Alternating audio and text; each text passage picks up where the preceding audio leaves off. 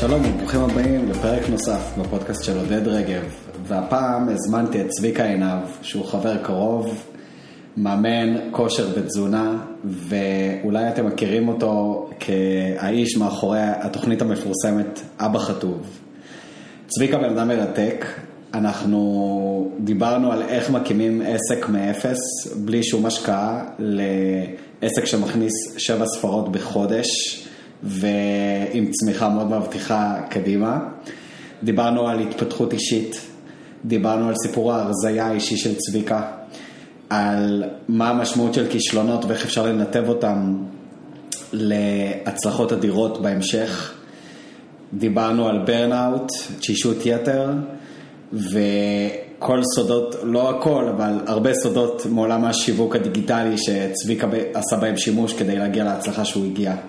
אני מאוד נהניתי מהפרק, אני חושב שקצת התרגשתי, אולי תשמעו את זה בקול שלי, צביקה הוא חבר אה, קרוב של המון המון שנים, אז זה קצת מוזר לדבר בפורמט כזה פתאום, אבל אה, זה זרם די בכיף ואני נהניתי מאוד וצביקה נהנה ואני מאוד מקווה שגם אתם. אז יאללה, בואו נתחיל.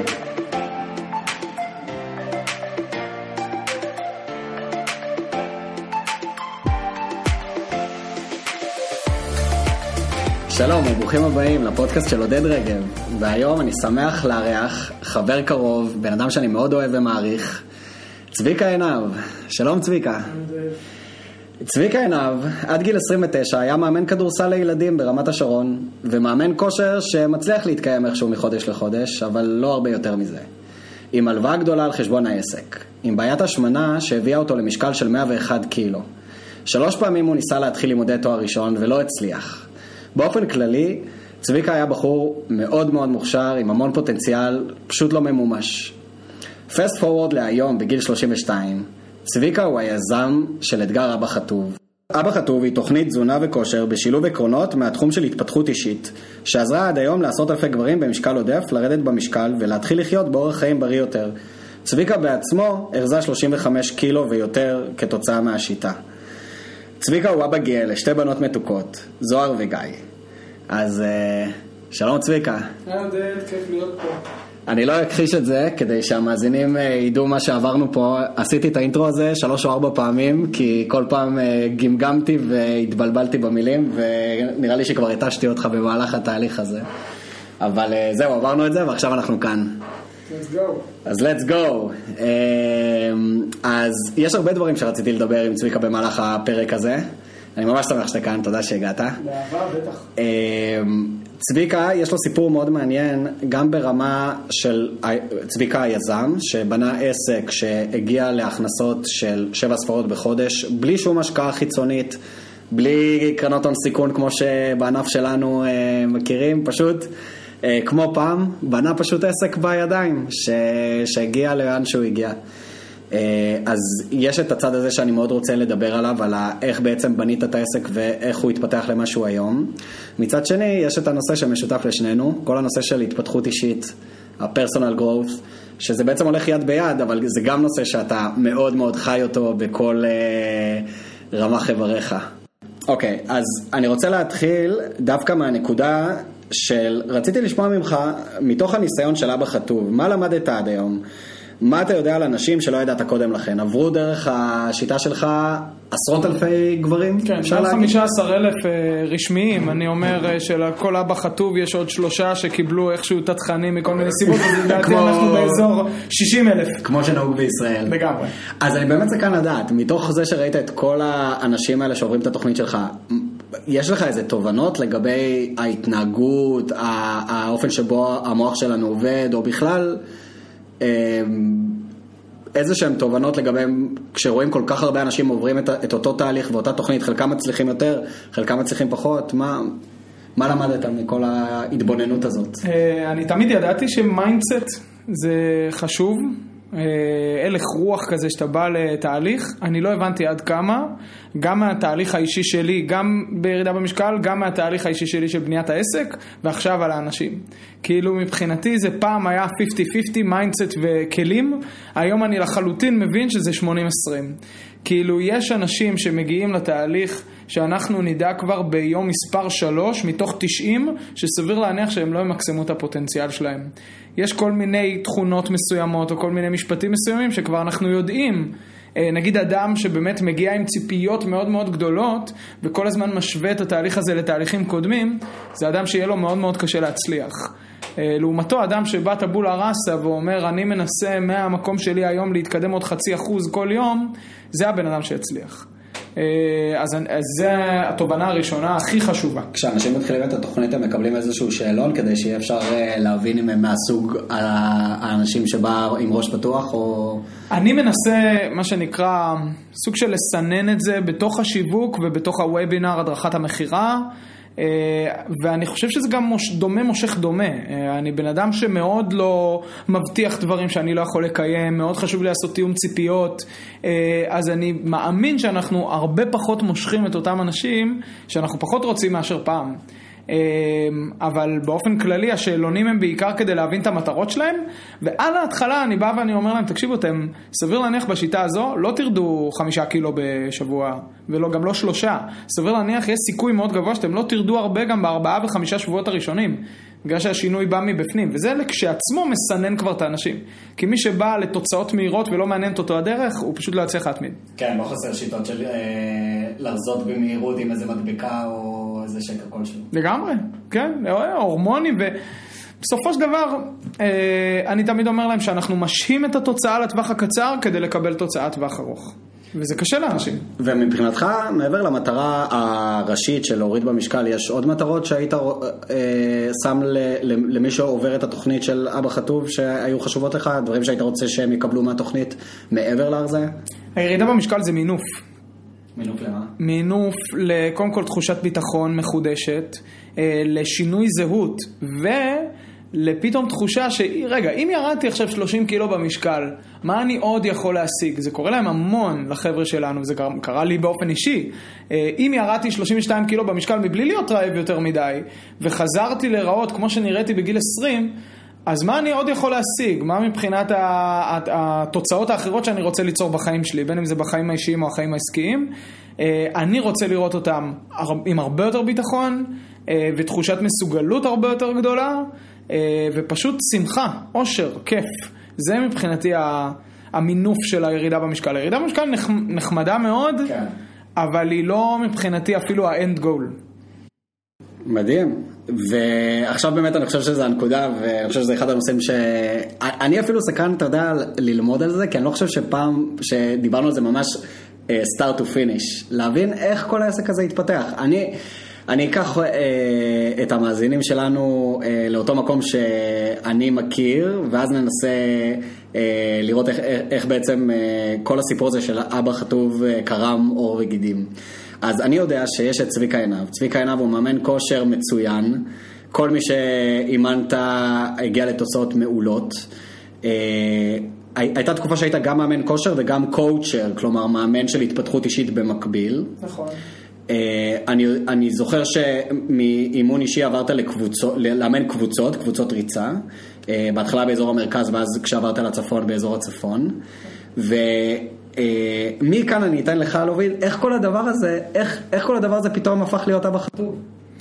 כן, זה היה מאוד מעניין. הדבר הראשון, קודם כל, באמת היו לנו קבוצות ריצה לנשים מתחילות, בהתחלה בטבעון. נמרות. נמרות העמק. זה גדול. כן, אחלה שם. אה, והקונספט היה שאם את פדלאה ולא רצת מאז התיכון ואת רוצה לרוץ ב-90 יום חמישה קילומטר, בואי, אנחנו נדע איך להוביל אותך. אה, ומצאנו שם איזושהי נקודת בידול שהיא הייתה מאוד מגניבה. אה, כי כל קבוצות הריצה מדברות באותה שפה, בשפה של השעונים החכמים, ובשפה של אם סיימת חמש, את צריכה עשר, ואם עשר אז עשרים ואחת, ואם עשרים ואחת זה ארבעים ושתיים, ואולטרה, וכמה ולמה. ואנחנו אמרנו, לא מעניין אותנו לא השעונים, ולא התוצאות, ולא כלום, אני רוצה שתרוצי חמישה קילומטר ויהיה לך כיף. והתחלנו רק עם נשים, וזה באמת קצר הצלחה יפה. אה, בסטנדרטים ובסקיילים שאני הייתי רגיל, היה לנו באזור ה-70-80 נשים בטבעון, שזה עיר יחסית קטנה. זה יפה מאוד. כן, זה חמישה אחוז, מה, חמישה אחוז מהאוכלוסייה, כאילו של טבעון הייתה, הייתה לקוחות, היו לקוחות שלנו, מדהים. ואז כשעברנו לפרדס חנה, אה, שזה מקום פי ארבע יותר גדול, אז גם בהתאם גם קבוצות הריצה שלנו גדלו, אנחנו למעשה סגרנו את קבוצות הריצה. בטבעון לחלוטין. רצינו מאוד לעבור לפרדס חנה, התחלנו מאפס בפרדס חנה. בו זמנית אני לקחתי עוד עבודה כקופירייטר, אה, כי פשוט לא הצלחנו לסיים את החודש. ואז אה, התחלתי לגלגל את כל הרעיון הזה של הנמרות בפרדס חנה, וזה עבד הרבה יותר טוב. איך בונים קבוצה, אתה עובר לעיר חדשה, כן. איך בונים קבוצת ריצה מאפס? אף אחד לא מכיר אותך, אף אחד לא יודע מי אתה. קודם כל פרסום ממומן, פי- פייסבוק. פייסבוק. זה עובד? אה, זה, זה עבד לי, כן, זה עובד. אה, אבל אני גם למדתי שיווק, אני מבחינתי 50 אז תגלה לנו אחוז, כמה סודות. לגמרי, נדבר היום על שיווק, זה אחד הנושאים האהובים עליי. אז מה מה הסודות? איך- איך בונים קבוצת ריצה כשאתה מגיע לעיר חדשה ואף אחד לא מכיר אותך? אה, אז שוב, קודם כל זה הקונספט וההוק, מה שנקרא. אז מה- מה היה? ההוק היה אם בחיים לא רצת, ואת פדלאה, וכל הקריאת ים סוף זה מבחינתך לרוץ חצי דקה ברצף, אז אנחנו הקבוצה בשבילך. עכשיו, זה משהו... גדול. ש- שזו קריאה מאוד מאוד שנשמעת אישית מצד אחד, אבל מהצד השני, אם נסתכל תכלס, זה 80% מהאוכלוסייה. מדהים, זה, זה, זאת אומרת, זה הדבר האחרון שהיית מצפה לראות בפרסומת לחדר כושר או לקבוצת כושר, כלומר, משהו כמו, אם אתה הכי, אה, אם את הכי אה, ובואי, לא זה- בכושר שיש, זה המקום שלך. זה המקום שלך, וגם כולן מסביבך כאלה. גדול. אז אנחנו, אני חושב, שמבחינת השיווק אנחנו פשוט מצאנו קהל יעד, שהוא קהל יעד גדול, ואנחנו בנינו להן את הפתרון המושלם עבורן. כלומר, הם רצו רק נשים, הם רצו שלא יהיו אה, מרתוניסטים לידן, או כל מיני אה, אה, ספורטאים שגורמים להם להרגיש לא מספיק טובה. אוקיי? והם רצו תהליך שמותאם למתחילות, שלא עכשיו אני אבוא לקבוצת ריצה ותהיה מישהי שרצה עשר והמאמן ייתן לי איזה כמה דגשים ואני ארוץ אחרונה, הם לא רוצות לרוץ אחרונות. ואנחנו למעשה יצרנו טיילור מייד תהליך שמותאם לקהל היעד. אה, ואז סביב זה יצרנו את כל התהליך. עכשיו אני חייב להגיד לך שברגע שיש תהליך כזה, השיווק לא חייב להיות יותר מדי מתוחכם. כלומר, הפוסטים שלנו היו, שלום בנות אה, פרדס חנה, אנחנו פותחים קבוצת ריצה לנשים מתחילות, למי זה מותאם? למי שבחיים שלה לא רצה או לא רצה מאז התיכון, יש לה חלום לרוץ חמישה קילומטר במרוץ, אה, יש לה מעט אה, אמונה. והרבה סקפטיות, אוקיי? זה, זה היה הקהל. מתי, שעות, ימים, בתוך הפוסט מחיר, אוקיי? כאילו הכי straightforward שיש, ובואו לאימון היכרות חינמי. זה הכל. באמת לא sophisticated, בדרך כלל היינו שמים אה, סרטון ב- ביחד עם הפוסט הזה, של נשים מדברות שהן בדיוק כמוהן. כלומר, היא רואה את הסרטון הזה והיא אומרת לעצמה, וואו, זה, אין, אין כמוני, אני יכולה להתחבר לדבר הזה.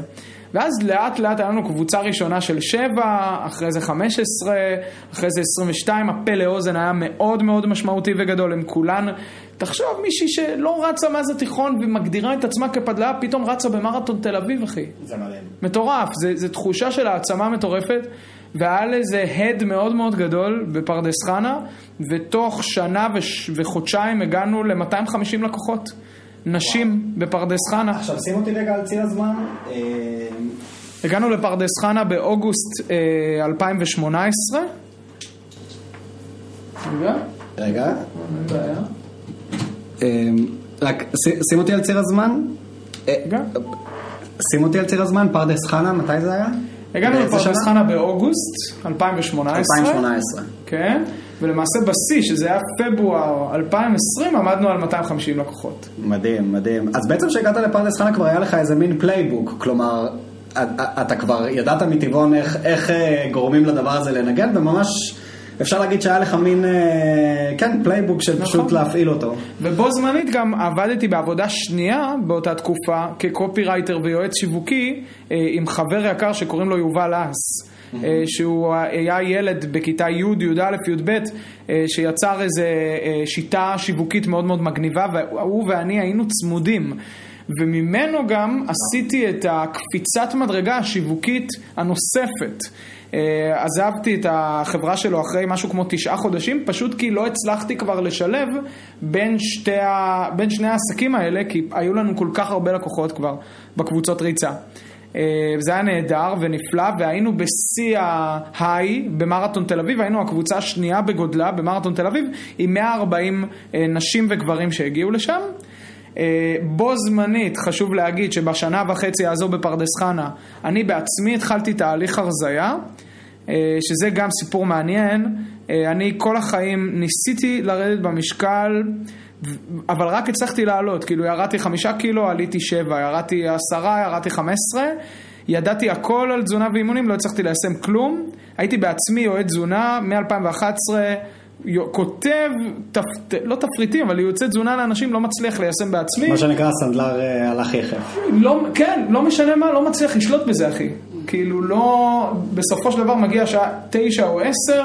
אחרי כל היום אימונים ואחרי כל היום הזה, ואני עייף, וכל מה שבא לי זה רק פיצה וגלידה, ואני אומר יאללה, לפני השינה. אכילה רגשית. אכילה רגשית, בדיוק. ותחושה גם שהגוף שלי דורש ממני את המאכלים האלה.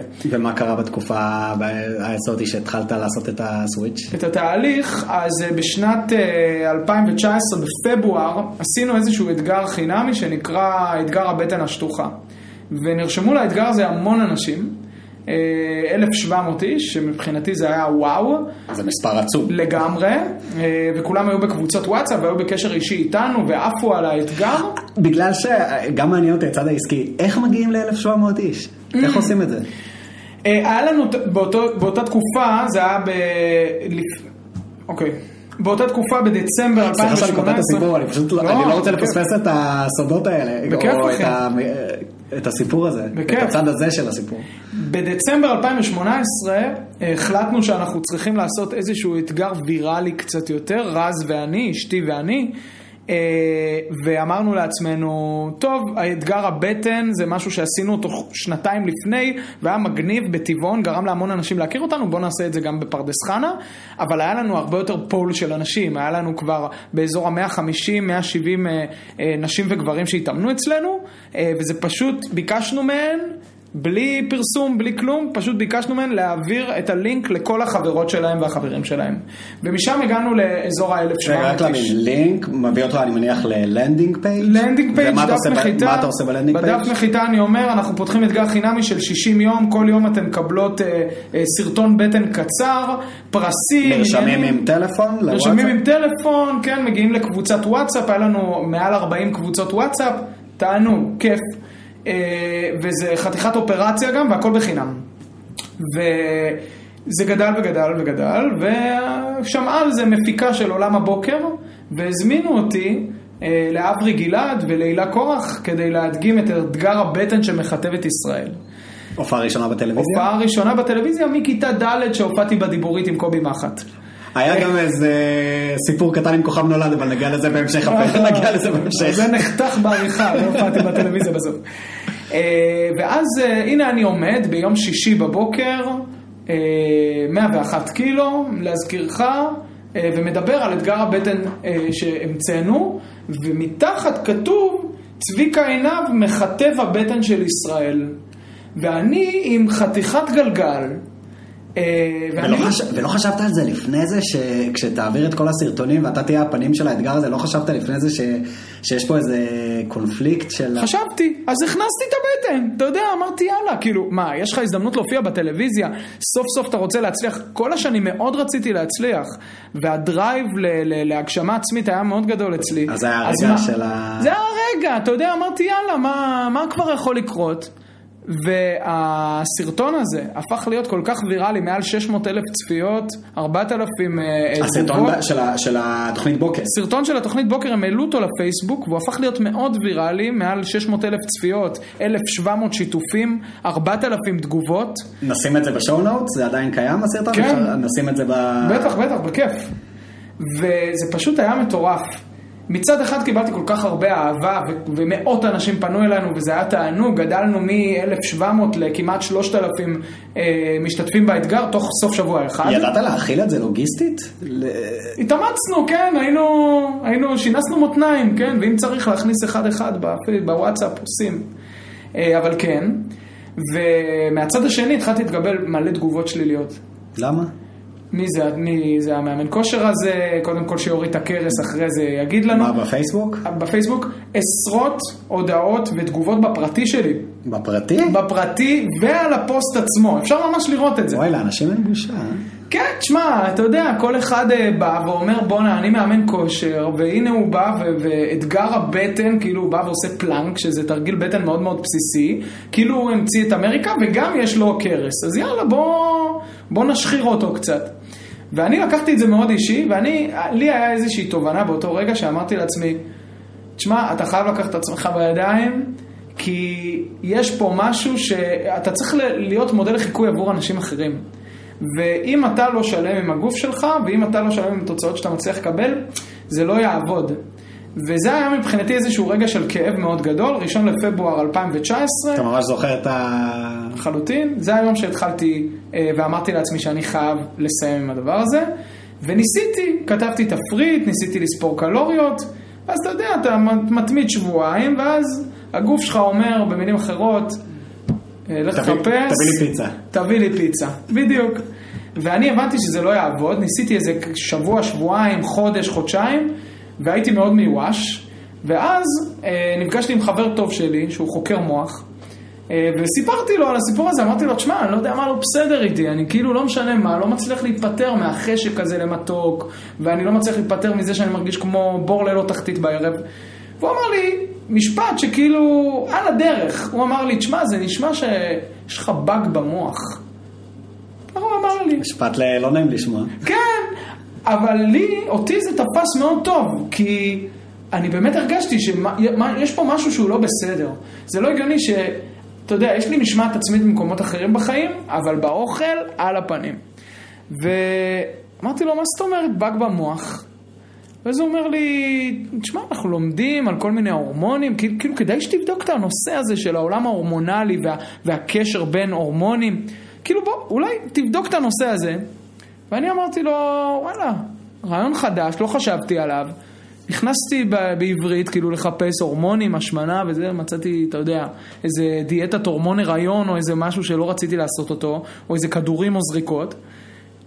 הגעתי לאנגלית, אוקיי? ומצאתי עולם שלם. התחלתי ללמוד על אינסולין, על קורטיזול, הורמון לחץ, על דופמין, הורמון העונג, התחושה הטובה, על ההבדל בין אה, גרלין, הורמון הרעב, ללפטין, הורמון השובע.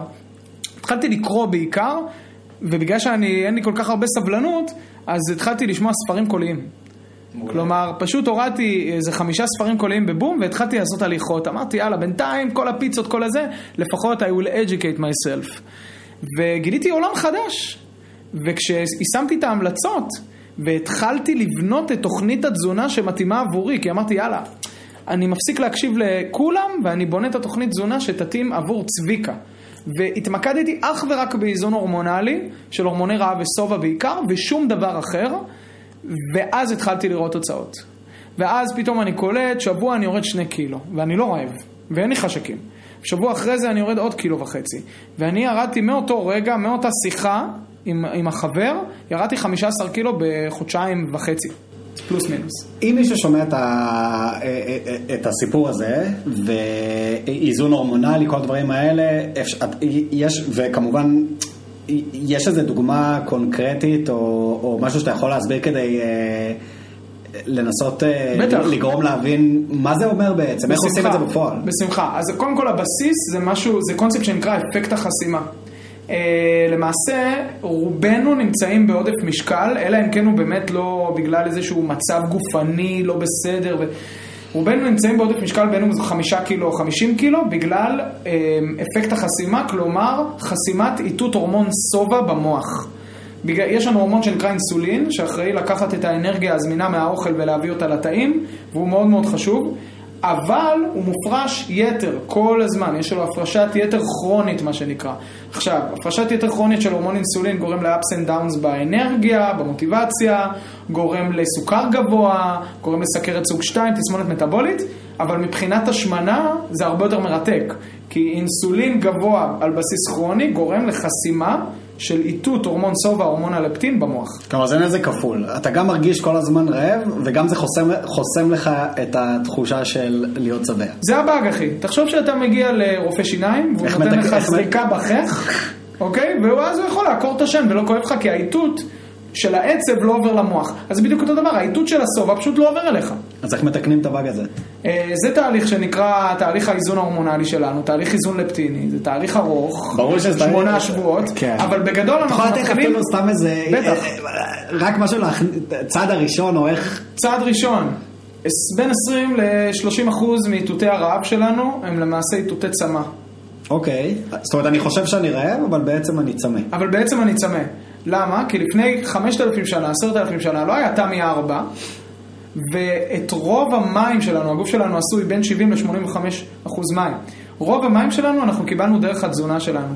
אז למעשה, ודרך פירות בדרך כלל, אז למעשה הגוף שלנו מייצר רעב, ובדרך כלל רעב למתוקים, כשהוא למעשה מיובש. למה מש- למתוקים? כי אה, את רוב. אה, בגלל הנוזלים שלנו קיבלנו בפירות. כתוצאה מהפירות, בדיוק. אז דווקא רעב למתוקים. כלומר, הדבר הכי פשוט לעשות, וזה שוב הכל מוכח מחקרית, שתי כוסות מים לפני כל ארוחה, יפחית לך את הצריכה הקלורית בבין 15 ל-25 אחוז לפחות. מדהים, זאת אומרת זה כבר ישים אותי במקום יותר רגוע, כלומר עוד לפני שאני מתחיל לאכול, אני כבר מכניס את הגוף למין איזון יותר טוב אה, מבחינת המ- מה הוא צריך. לחלוטין, כן. ויש גם מאכלים בסופו של דבר שגורמים לאיזון החשקים באופן טבעי. כלומר, וכולנו מכירים את זה, בסדר? חלבון בכל ארוחה נגיד. חלבון אב המזון המשביע ביותר. היום קטוגני זה on fire וזה טרנד מאוד מאוד גדול, אבל מה? הוא לא מוכח מחקרית, הפוך. ישנם מחקרים גדולים ומטה אנליזות שמוכיחים שחלבון הוא אב המזון המשביע ביותר, במקום השני פחמימות, במקום האחרון שומן. אז כשאני חושב שאני אוכל שומן כל היום, ואני ארזה, אני למעשה הולך נגד הגוף שלי ונגד המדע. אז חלבון בכל ארוחה זה משהו ספציפית שכולנו יודעים שמאוד מאוד עובד. לדעתי הגאונות של אתגר אבא חטוב ושל השיטה והתהליך הזה, זה ההדרגתיות. כי אני לא בא ואומר לך ב-day one, תקשיב, הנה שלוש, 13 הרגלים חדשים, קח, תנסה עכשיו להכיל את זה עם כוח הרצון ועם החיים המטורפים שלך. אנחנו כל שבוע מטמיעים הרגל אחר, ואז זה גם גורם לאיזון הורמונלי הדרגתי. אגב, גם היינו יכולים בבום לדחוף את כל ההרגלים, אבל אז אף אחד לא היה מיישם. זה היה overwhelming. נכון, זה היה overwhelming. אז יש פה משהו שהוא גם מבחינת השיטה ההורמונלית עובד, וגם מבחינת, דיברנו על זה, התפתחות אישית, ותכלס, איך בן אדם מייצר לעצמו את השינוי הזה על ידי הרגלים קטנים הד- הדרגתיים, אה, שגורם לאנשים ליישם. כלומר, אה, באבא חטוב החלק של התזונה הוא הרבה יותר משמעותי מהחלק של הכושר. החלק של התזונה הוא 100% מתהליך ההרזיה. כן, מדהים. כן, וגם כאן אגב, יש, יש פה מיתוס ששווה לדבר עליו, שאנשים חושבים שכושר מרזה, וכושר הוא לא מרזה. הוא לא אמר זה? יש המון מחקרים שמוכיחים, בוא, בוא קצת ניישר שם קו, נגיד, מחקר שלקח שמונה ארצות, אוקיי? ובדק מי מהם עושים הכי הרבה כושר וקורולציה להשמנה. מקום ראשון, ארה"ב. המקום עם ההשמנה הכי גדולה בעולם. מקום אחרון, הולנד. המקום מבחינת אחוזים עם ההשמנה הכי פחות שכיחה בקרב שמונה המדינות האלה. אבל, לעשות, אבל לעשות, את זה. לעשות את זה ברמת המדינה, אני לא יודע אם זו ההשוואה הכי טובה. כי- אחלה, בוא ניקח עוד מחקר. לקחו 31 אלף נשים, בדקו אותם למשך עשר שנים. חלק מהאנשים התאמנו חמש-שש פעמים בשבוע, וחלק מהאנשים לא התאמנו בכלל. לא נצפה שום שינוי, שום שינוי מבחינת אחוזי השומן בין הקבוצות. אין שום קורלציה בין אימונים, בעיקר אימונים אירובים, לבין הרזייה. אבל איך אתה, הרי אם אני אלך, אם אני אגיד לך שיש לי הרגל, אני רץ שלוש פעמים בשבוע, שש קילומטר. obviously, אני שורף קלוריות כשאני רץ. נכון. אז אתה לא יכול להגיד לי שאין לזה השפעה, זאת אומרת, בזה שאני שורף קלוריות, אני... אני... הגוף שלך לא טיפש, אתה יודע מה הוא עושה? הוא מפחית את ההוצאה הקלורית שלך ממה שנקרא NEAT, Non-Exercise קלורי. מה- מה הכוונה? כלומר, פעילות שהיא לא פעילות גופנית יזומה, הוא פשוט יפחית, הוא יהפוך אותך ליותר רגוע, אתה פחות תרצה לעלות במדרגות, אתה פחות תקפוץ עם הרגל מאשר אם לא היית עושה, ולאט לאט הגוף שלך יתאזן.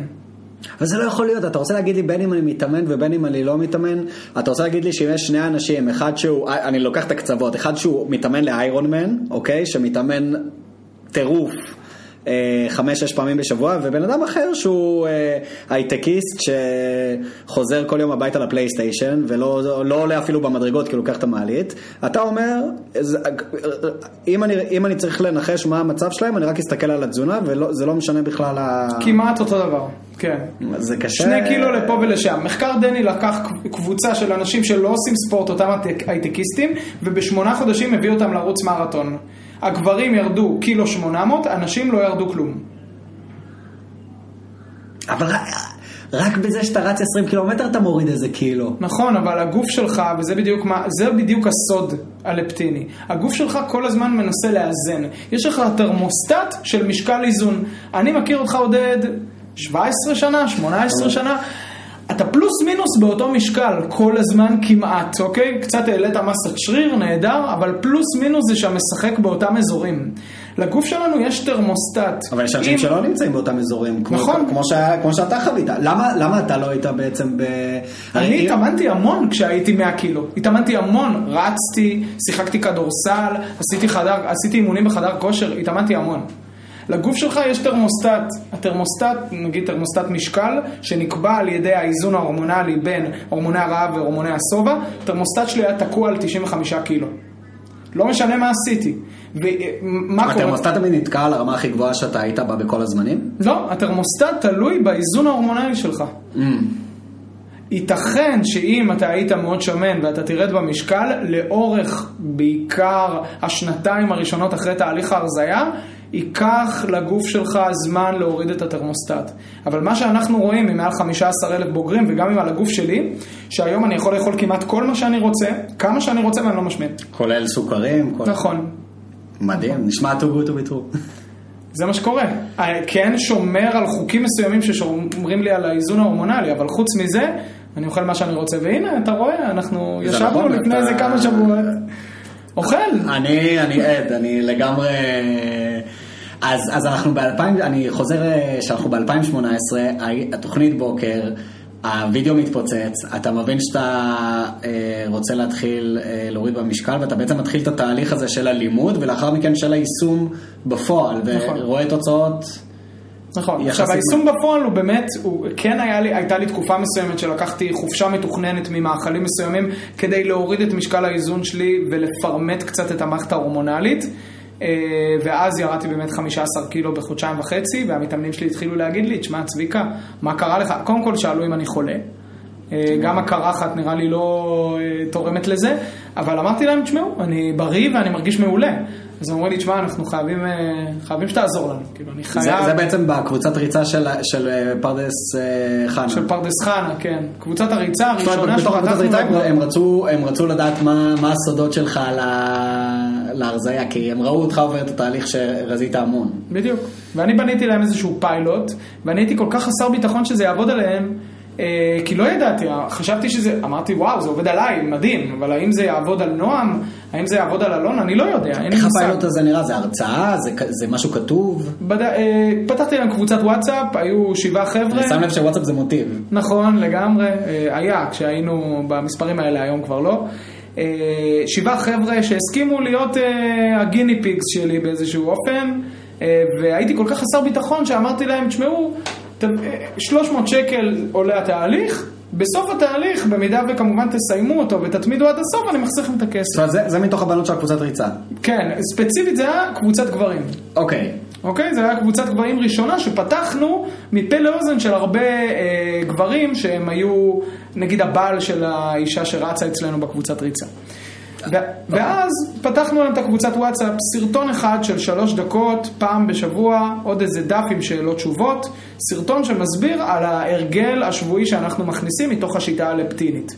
דוגמה להרגל זה שתי כוסות, שתי כוסות אה, מים לפני- לפני כל ארוחה, תחליף את המאכל הזה במאכל הזה השבוע, וזה.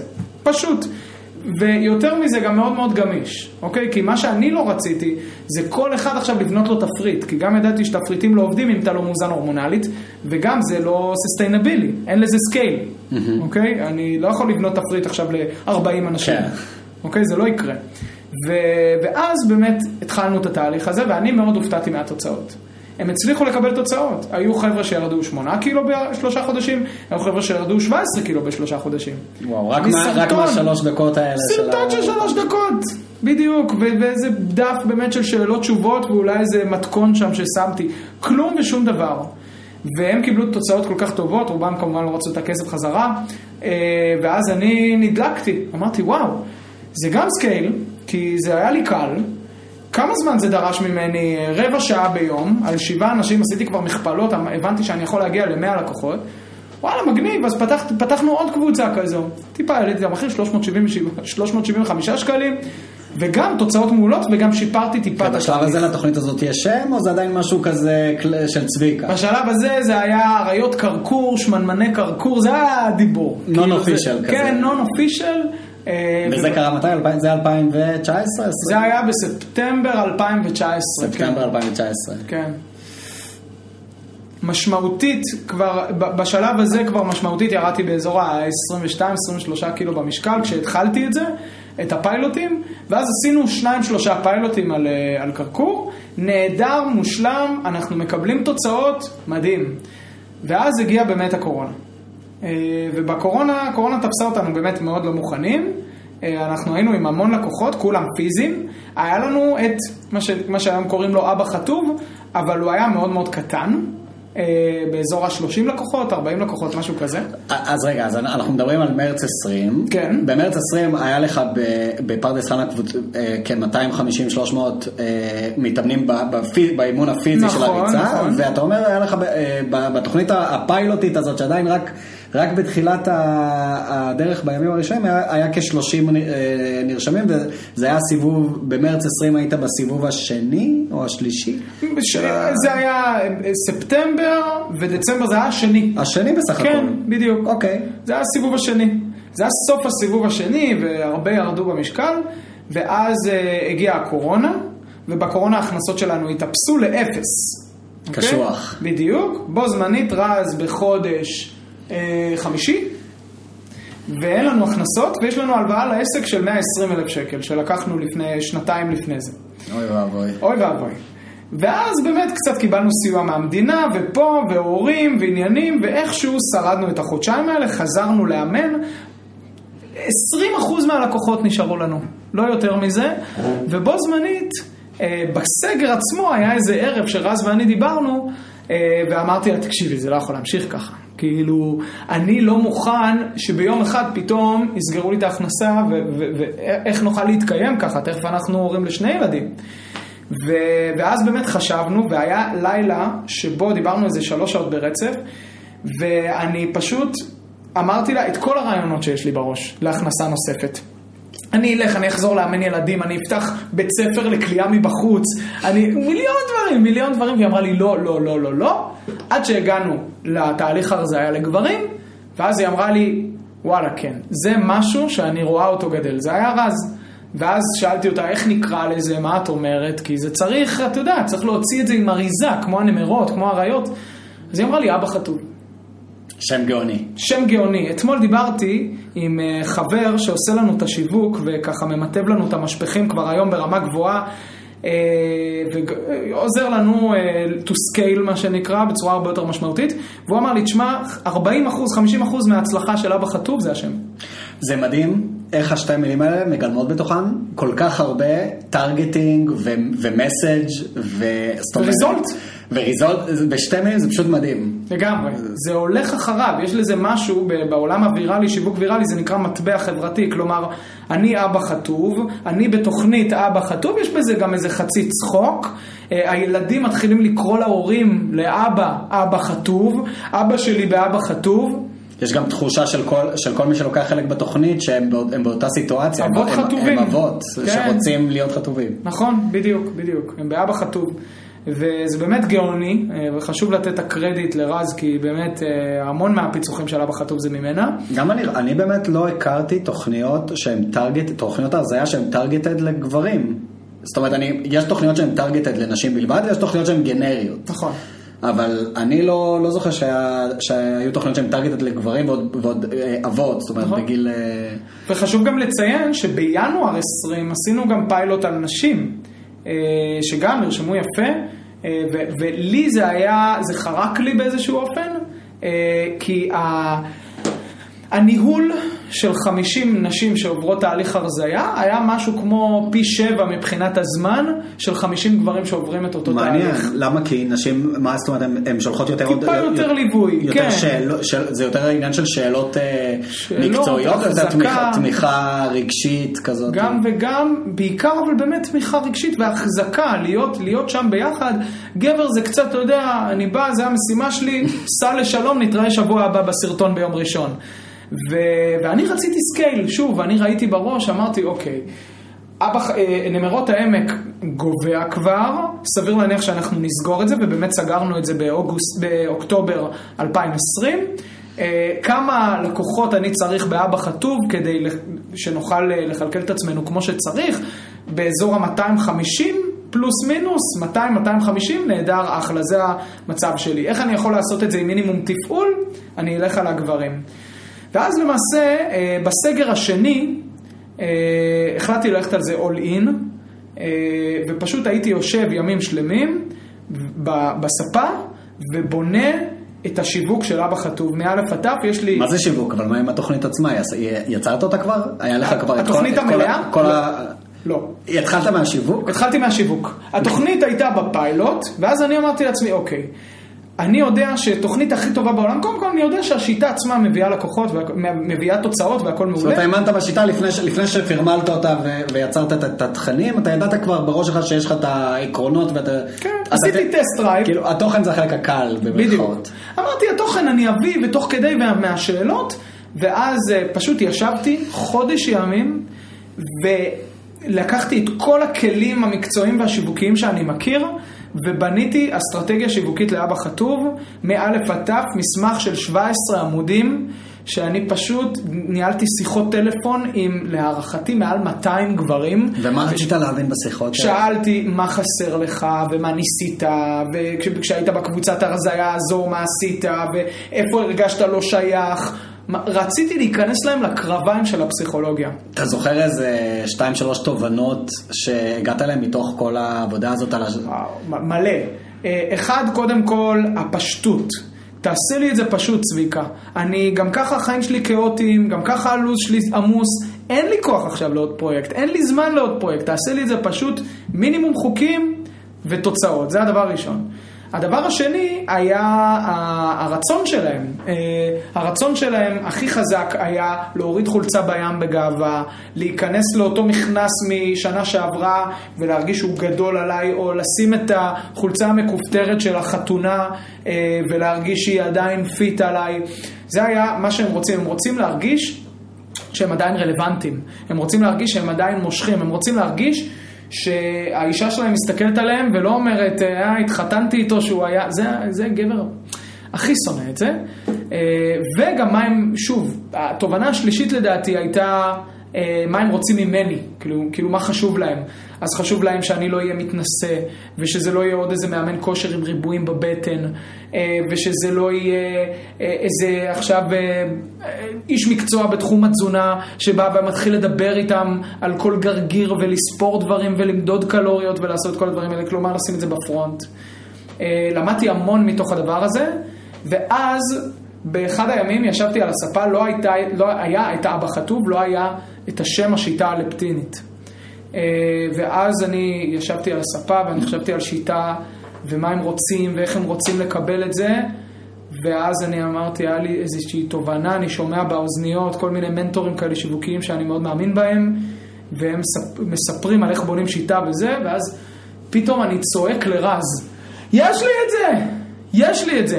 כמו שיש קטוגני, יש לפטיני. מה זה אומר לפטיני? לפטין הורמון שובע, Mm. אוקיי? לפטיני. וקטוגן זה הורמון אחר? קטוגן זה גופי קטון, זה בתכלס להשתמש כאילו בשומן כמקור אנרגיה Mm. במקום בפחמימות, אוקיי. אוקיי?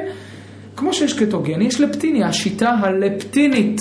ופתאום, כמו איזה דומינו, הכל הסתדר לי בראש. אבא חטוב, השיטה הלפטינית, גברים, הרזייה, איך זה מתקשר. גם בסופו של דבר, היה לו מאוד מאוד חשוב לגבר להבין את הרציונל. אז הוצאתי המון מחקרים. היום אני, אתה יודע, אה, זורק את המחקרים האלה כי הם אצלי בתוך הלב ובתוך הראש. הוצאתי המון מחקרים ובניתי גם את השיווק בצורה רציונלית, שתגרום לו לטרנספורמציה בהבנה שלו של מה גורם לבעיה. אז איך נראה השיווק? זה מין סרטון קצר שמסביר על השיטה, או מין עמוד נחיתה שמסביר בטקסט על מה הולך להיות? שיווק זה המון מודעות, מובילות לדף נחיתה, אה, להרשמה לוובינר, להדרכה. אה, ואז הוא נרשם. בהדרכה אני מסביר על השיטה, אני מסביר לו למה אני רעב, למה אנחנו רעבים כל הזמן. למה, אה, לא מספיק שאנחנו רעבים כל הזמן, אנחנו גם נמשכים בצורה בלתי נשלטת למאכלים שהם הכי גרועים עבורנו.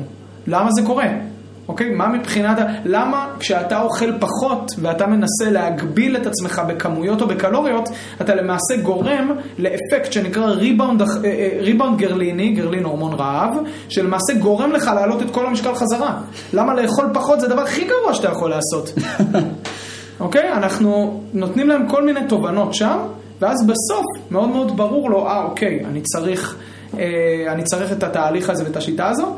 אה, והשיווק, ברגע שהוצאנו אותו, הוצאתי אותו, אה, זה פשוט היה, זה פשוט היה מפתיע בצורה בלתי רגילה. אנחנו היינו ב-ROI פסיכי. אז אתה עדיין זוכר את הוובינר הראשון? אה, כן, הוא היה גם לנשים וגם לגברים. כמה, כמה השתתפו בו, אתה זוכר? אזור ה-50 איש. כולם מפרדס חנה. רגע, אז אם זה גם נשים וגם גברים, זה, זה, וזה נקרא אבא חטוב? כן, זה היה נקרא אבא חטוב, והיה לנו גם תוכנית נשים שנקראת לחזור לעצמי. אה, אוקיי, אז הוובינר תפס... תפס גם נשים וגם גברים, כן. אוקיי. ולא היה לי מצגת, לא היה לי כלום, פשוט דיברתי, ודיברתי על כל התובנות, והיה לי כל כך הרבה תשוקה, ואז עשיתי שיחות טלפון עם כל אחד שנרשם. כמה אה, מתוך החמישים... אה, נרשמו לנו ספציפית בלייב הזה באזור ה-20.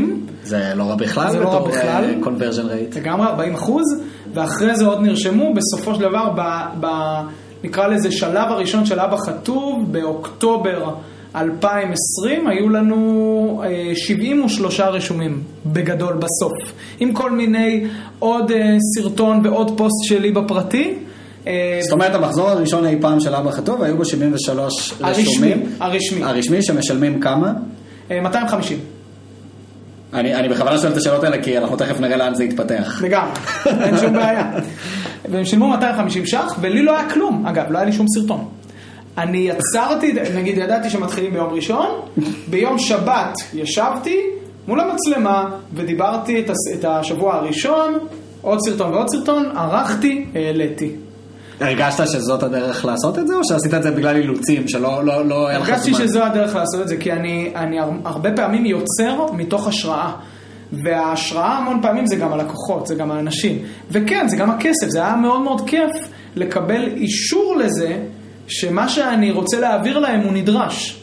אה, וגם מה שעשיתי, אז לקחתי את השבוע הראשון, וראיתי מה כל השאלות הנפוצות שלהם גם, ועל פי זה גם יצרתי לפעמים את השבוע השני והשלישי. כלומר, יצרתי את זה מתוך הפיל שלהם במהלך התוכנית. יפה. אה, וכל יום עשיתי כזה סרטון. אה, חלק מהסרטונים היו מאוד אה, קצרים, דקה, שתיים, חלק מהסרטונים קצת יותר ארוכים לכיוון החמש-שש דקות. ואז התחלנו תהליך של שיפור ongoing.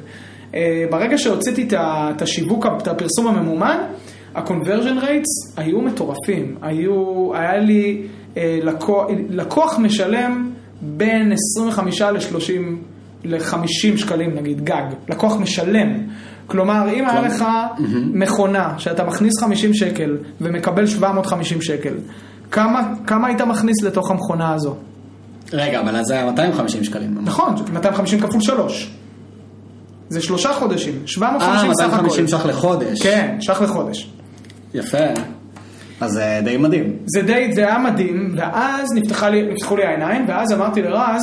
רגע, אבל אני רק רוצה להבין את הסדר, את ה, את, מבחינת איך ניהלת את זה. עשית את המחזור הראשון, למחזור הראשון היו 73 נרשמים, ותוך כדי המחזור הראשון אתה בעצם מייצר לראשונה את התוכנית. נכון. ואתה, ואתה בעצם אומר, אם אני מבין נכון, תוך כדי שהתוכנית הראשונה עדיין רצה, אתה כבר משווק ומזמין ולתוכנית הבאה שמתחילה כמה זמן אחרי?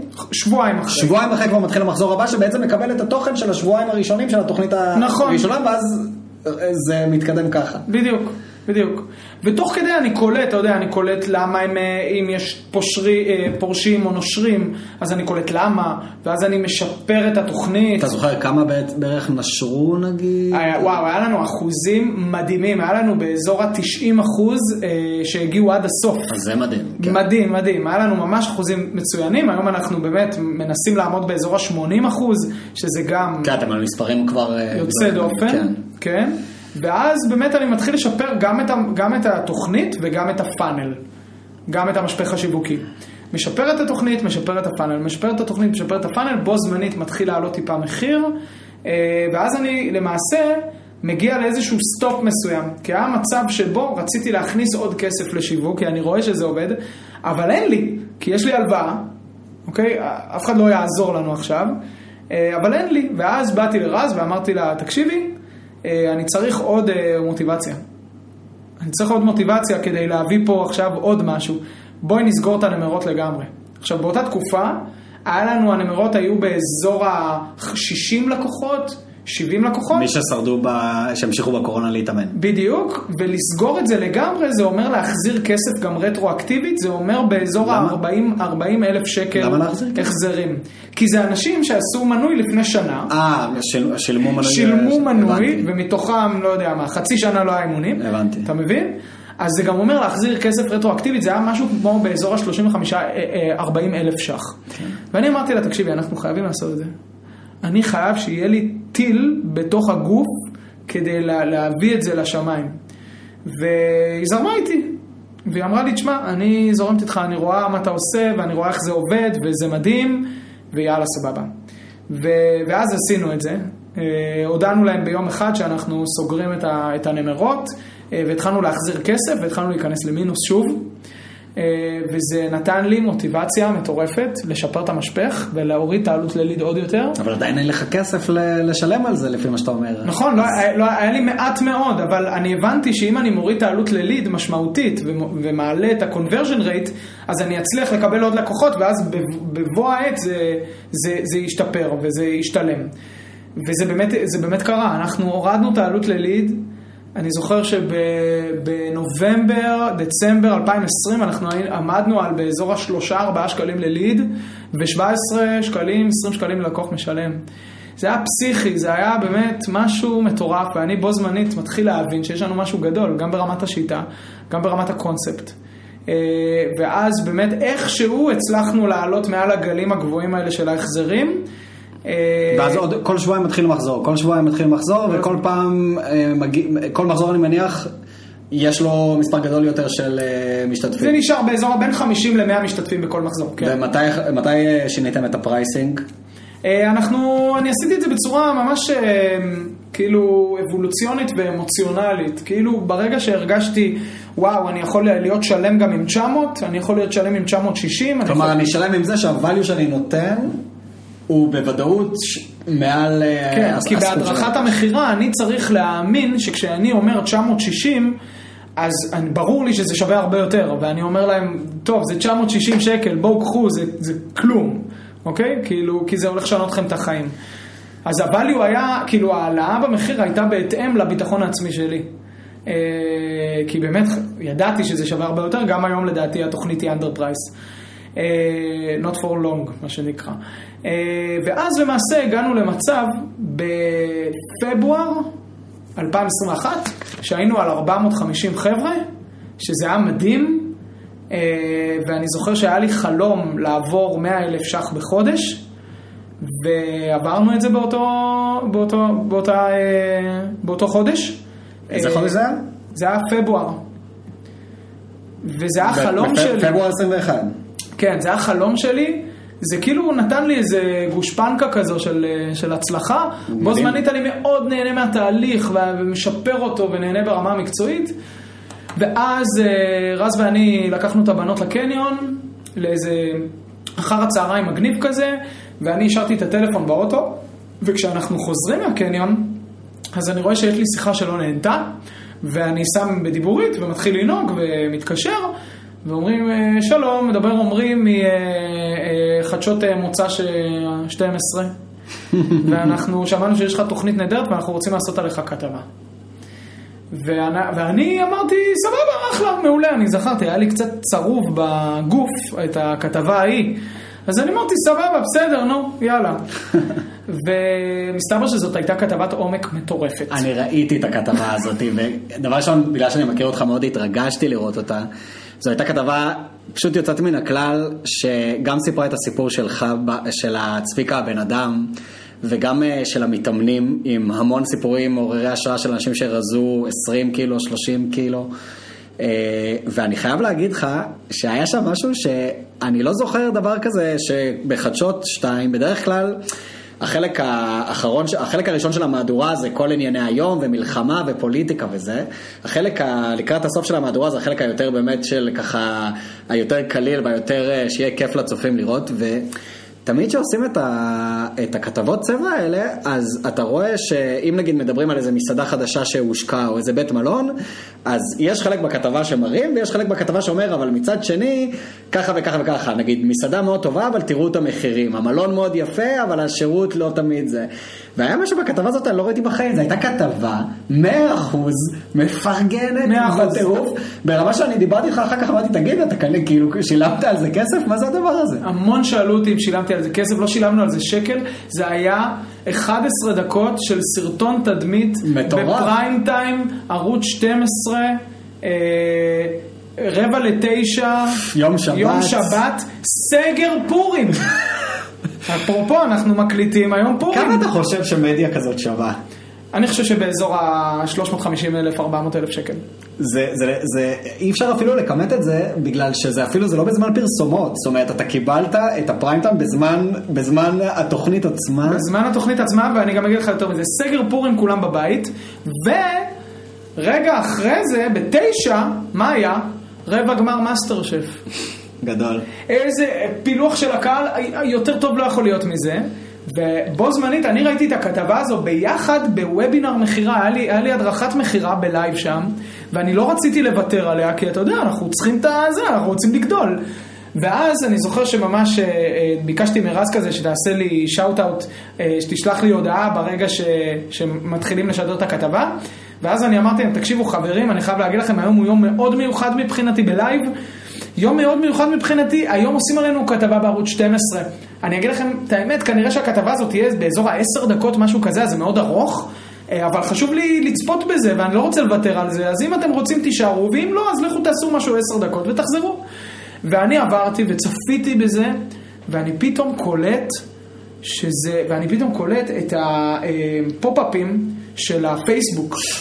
פאק, פאק, עוד הודעה, עוד הודעה, עוד הודעה, עוד בקשת חברות, עשרות, מאות, ואני, ו, והטלפון שלי מתפוצץ, ואני פתאום קולט שזה משהו גדול. הצלחת להעביר את הוובינר הזה בכלל? לגמרי, לגמרי. לא, לא, לא, אני מאוד חד על המסר, אחי, אני לא, אין, לי, אין אצלי כזה. רגע, אז עדיין יש וובינר לפני כל מחזור? ככה זה עובד? עדיין. לפני, לפני כל מחזור יש וובינר? לפני כל מחזור. ביום שבת האחרון היה וובינר גם, והעברתי אותו וזה היה תענוג. אה, ואז אה, אנחנו מסיימים את הוובינר הזה, היו 200 איש בלייב. אה, ואנחנו אומרים להם, אה, טוב, אה, תשמעו, אני לא חושב שנצליח להכיל את כל כמות המשתתפים שהולכים להגיע, אז קחו פשוט את הלינק הרשמה, וזו הייתה פעם ראשונה בחיים. שלא דיברתי עם כל לקוח לפני שהוא נרשם. כי, כי אני הבנתי שאני לא אצליח לדבר עם 50, 70, 80 איש אה, שהולכים להירשם, ונרשמו 100 במקום, אה, שמבחינתי זה היה טירוף. אה, תכף אנחנו נבין למה זה היה בקטנה. ואז אה, העובד שלי, משה, מתקשר אליי אחרי הוובינר ואומר לי, תשמע, קודם כל היה וובינר מדהים וזה, תגיד, אתה ראית את המערכת אה, ניהול אה, מיילים? מה קורה שם? אז אני אומר לו, לא.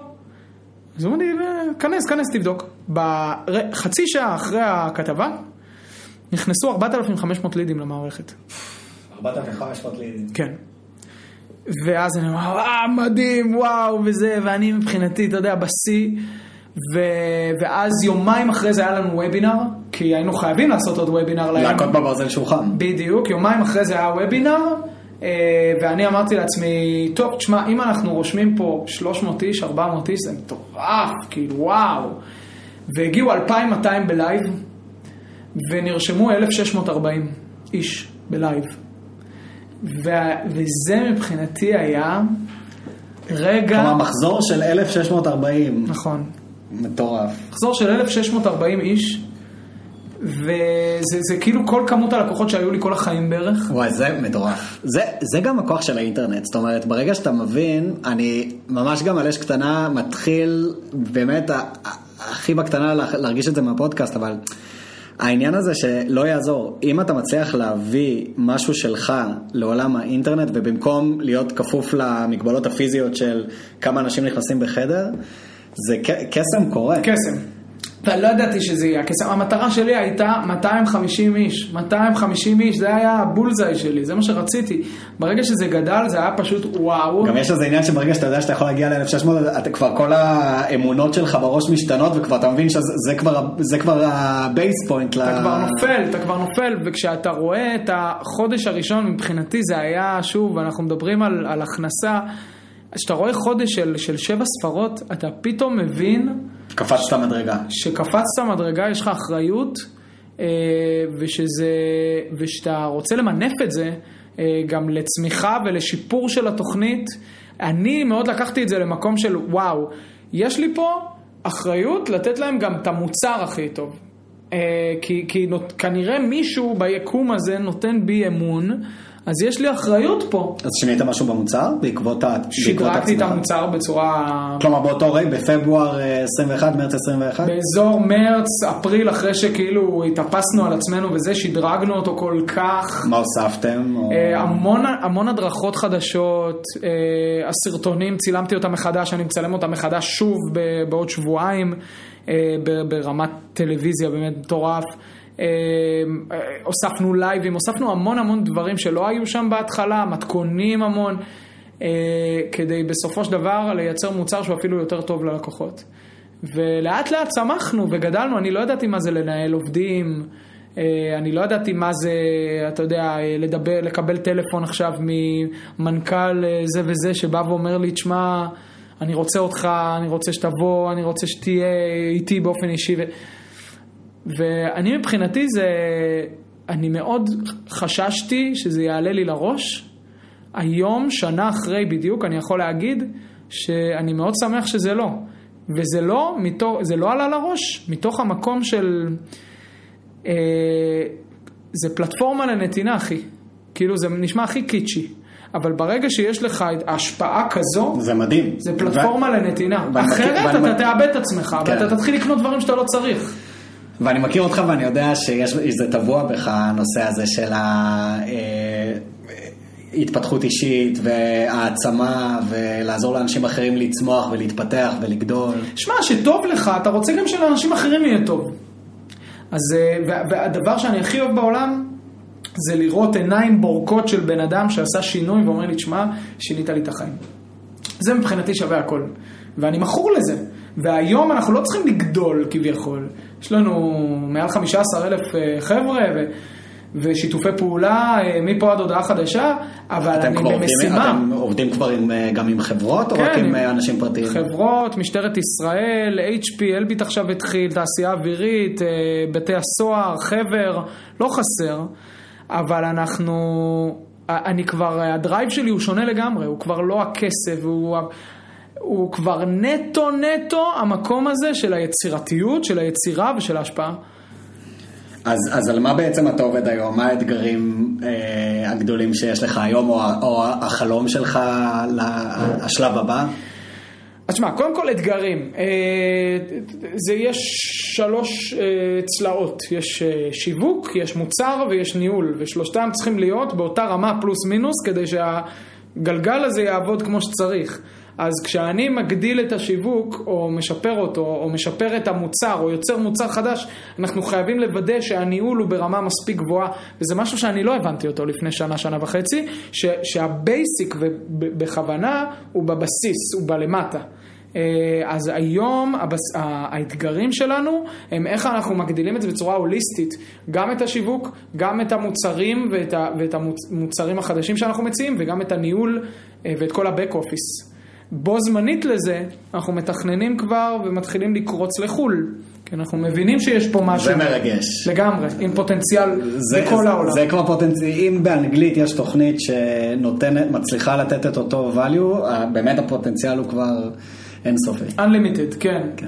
ובו זמנית אה, יש ספר מדהים שכתבתי עם חבר יקר, גלבוע עמיחי בספר, אה, ספר של אבא חטוב ושל הסיפור האישי שלי. מתי זה עומד להתפרסם? כנראה בראשון ליוני, פלוס מינוס, אה, אנחנו. הולכים להוציא אותו, כן, אולי אפילו קצת לפני. אה, וזה גם, אה, אתה יודע, אני שנים רציתי לכתוב ספר, אה, ואתה יודע, אה, לא, לא הצלחתי להתגבר על הפרפקציוניזם שלי, ואני חושב שמכל המסע המטורף הזה שעברנו ואנחנו עדיין עוברים, הלקח הכי גדול שלי זה שאפשר להוציא דברים לא מושלם והם יכולים לעבוד, הם יכולים לעבוד מעולה.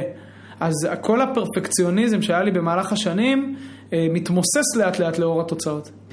זה בדיוק אני רשמתי לי ציטוט שאתה כתבת במחקר שעשיתי לפני הפרק. וזה קשור לספר, אתה אמרת, כתבת, כל כך הרבה פעמים בחיים אנחנו מחליטים לקרוא הפסד טכני לפני שבכלל עלינו למגרש. אנחנו לא פותחים את העסק הזה שרצינו, לא יוצרים קשר עם האדם הזה שרצינו, ובמקרה שלי גונזים ספר כי הוא לא מספיק טוב ולא רב מכר, עוד לפני שהוא נקרא. בשנתיים האחרונות למדתי על בשרי איך להוציא דברים בצורה לא מושלמת. למשל אבא חטוב, מצליח בענק, אבל בדרך קיבלתי ועדיין מקבל טונה של ביקורת. על תכנים בינוניים, שיווק אגרסיבי, שיטה לא שלמה, ואפילו היו כאלה שטענו שהדיבור שלי ילדותי מדי. אז זה, זה משהו שלי הוא תפס את העין, כי אחד, אני מאוד מזדהה עם זה. אני, אני חושב ש- שזה משהו שיש לכולנו, ואני עוד פעם, אני חווה את זה אצלי בפודקאסט, שזה לא מושלם. אה, ואני הבנתי בעצמי שאני חששתי לעשות את זה, כי ידעתי שאני לא, לא יכול לעשות פודקאסט מושלם. אני לא יכול להביא את האורחים המושלמים. אני לא יכול להשיג ציוד מושלם או תנאים מושלמים. אני כנראה לא ההוסט המושלם. ו... והעניין הזה של לעבור. לעשות משהו מושלם ללעשות משהו שהוא good enough, או משהו שלפחות אני אומר, זה מספיק טוב בשביל שאני אה, יוכל להגשים את החלום שלי באמצעות זה, זה, מוש... זה מושלם, זה הדבר המושלם, וכתבת את זה ואני בול מרגיש ככה, כאילו, אני באמת חושב שה mindset של לעשות משהו שהוא good enough, זה, זה, זה מה שצריך להיות בראש, והאינסטינקט שלנו זה המושלם הזה, כי, כי אנחנו איכשהו מרגישים שהכל צריך, שהכל בחיים הוא מושלם, למרות ששום דבר לא מושלם, וגם בתור אנשים מבוגרים אנחנו יודעים את זה כבר, אבל זה מדהים איך זה ממשיך לנגן, הניגון הזה של ה... שמע, זה גם טבעי, אנחנו רוצים להשתפר.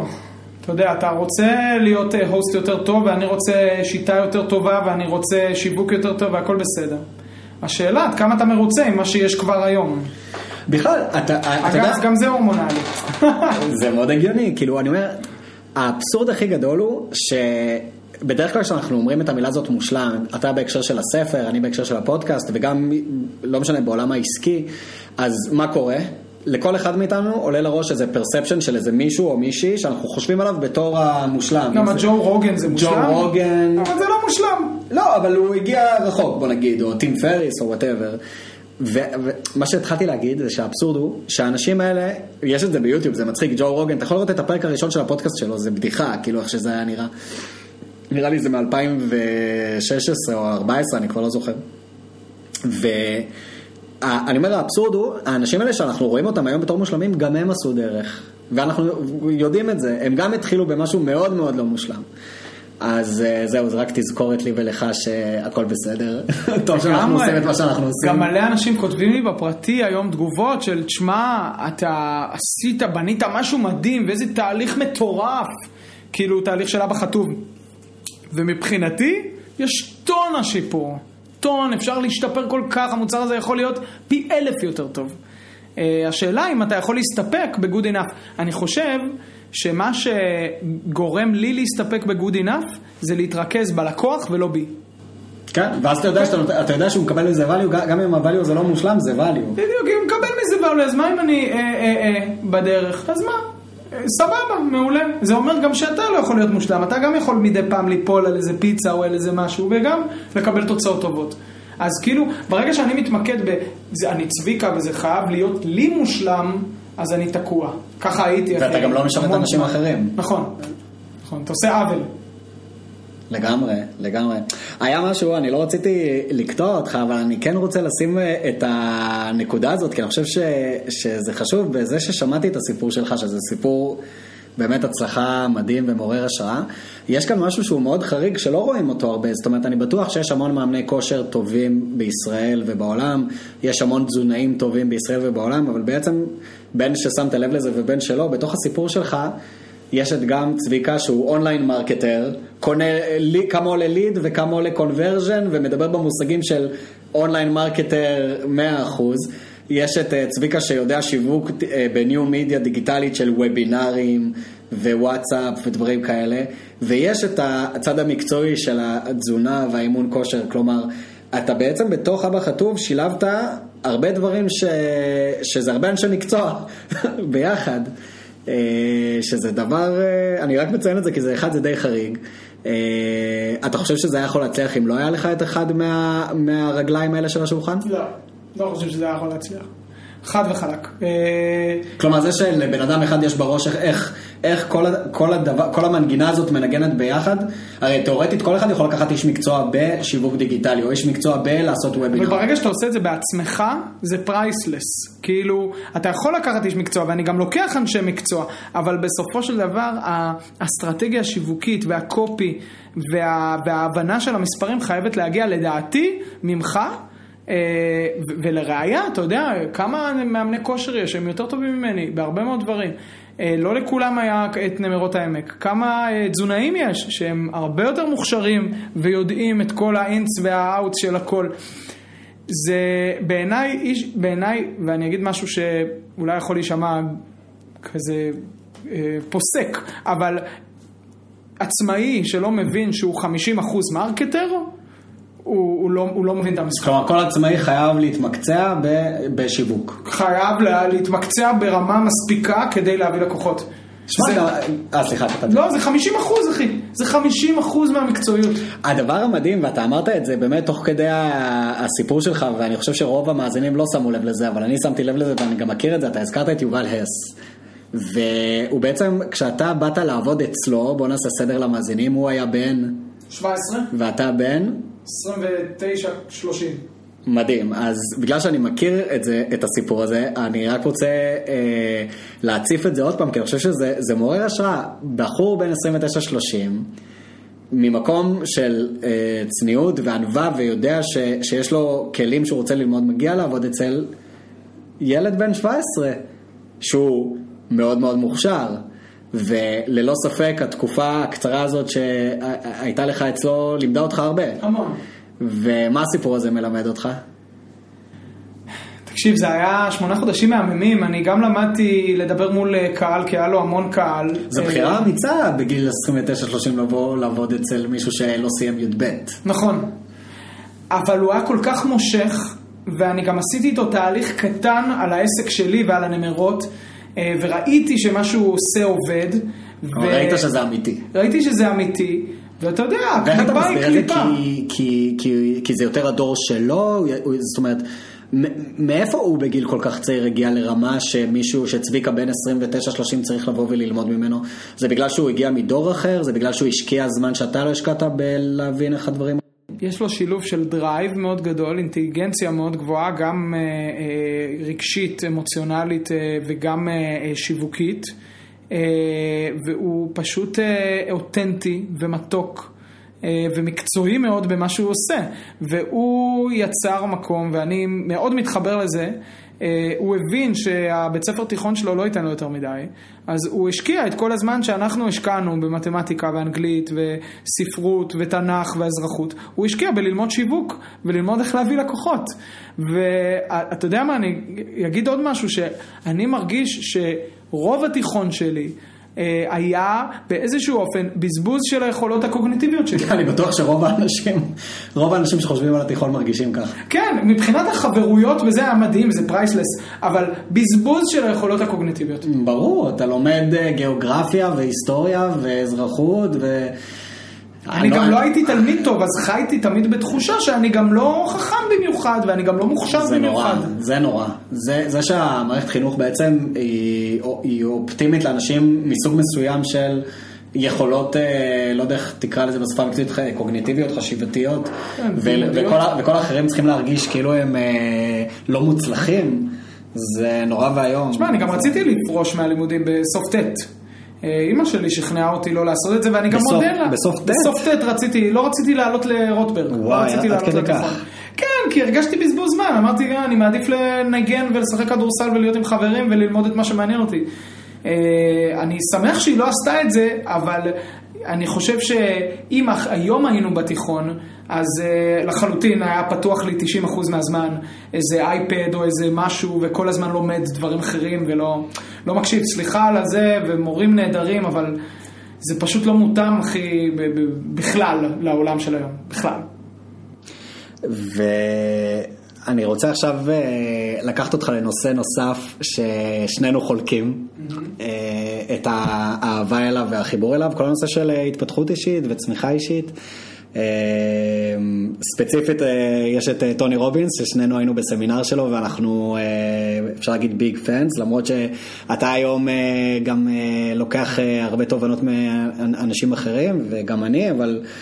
אה, איכשהו יצא, נראה לי שהיינו יותר צעירים, גם, גם, גם לך וגם לי הוא היה איזה דמות משפיעה ב, בתחילת הדרך. אתה יכול אה, לספר קצת על ה, איפה בעצם בפעם הראשונה בחיים כל הנושא הזה של התפתחות אישית אה, תפס אותך, ו, ואיך בעצם, איזה תהליך עברת עם זה, ו, ועד כמה השפעה הייתה לזה עליך? אה, באזור 2012, אה, כשהייתי בן 23, אז אה, הייתי מאמן כושר, והרגשתי שחסרים לי דברים בארגז כלים כדי אה, לעזור לאנשים באמת להתמיד. ואז אה, ביררתי על כל מיני שיטות ועל כל מיני אה, קורסים, והגעתי לקורס אה, קואוצ'ינג, קורס אימון של, אה, של תות של אלון גל, אה, והחלטתי ללכת על זה. כלומר, קורס של אלון גל שהוא מלמד איך להיות מאמנים. כן, מלמד איך להיות coacher, כן, בזמנו זה היה נקרא כך. ומאוד נהניתי מהקורס וזה פתח אותי לעולם של התפתחות אישית ומיד שהקורס נגמר טסתי לחודשיים למזרח וזה היה כיף, כאילו היה לי כל כך הרבה תובנות שם ועוד המשכתי לכתוב ולקרוא אה, ואז אה, נחשפתי לסרטונים אה, ותכנים של רובין שרמה מועדון החמש בבוקר והנזיר שמכר את הפרארי שלו וטוני רובינס, זה כאילו האנשים המרכזיים שעקבתי אחריהם.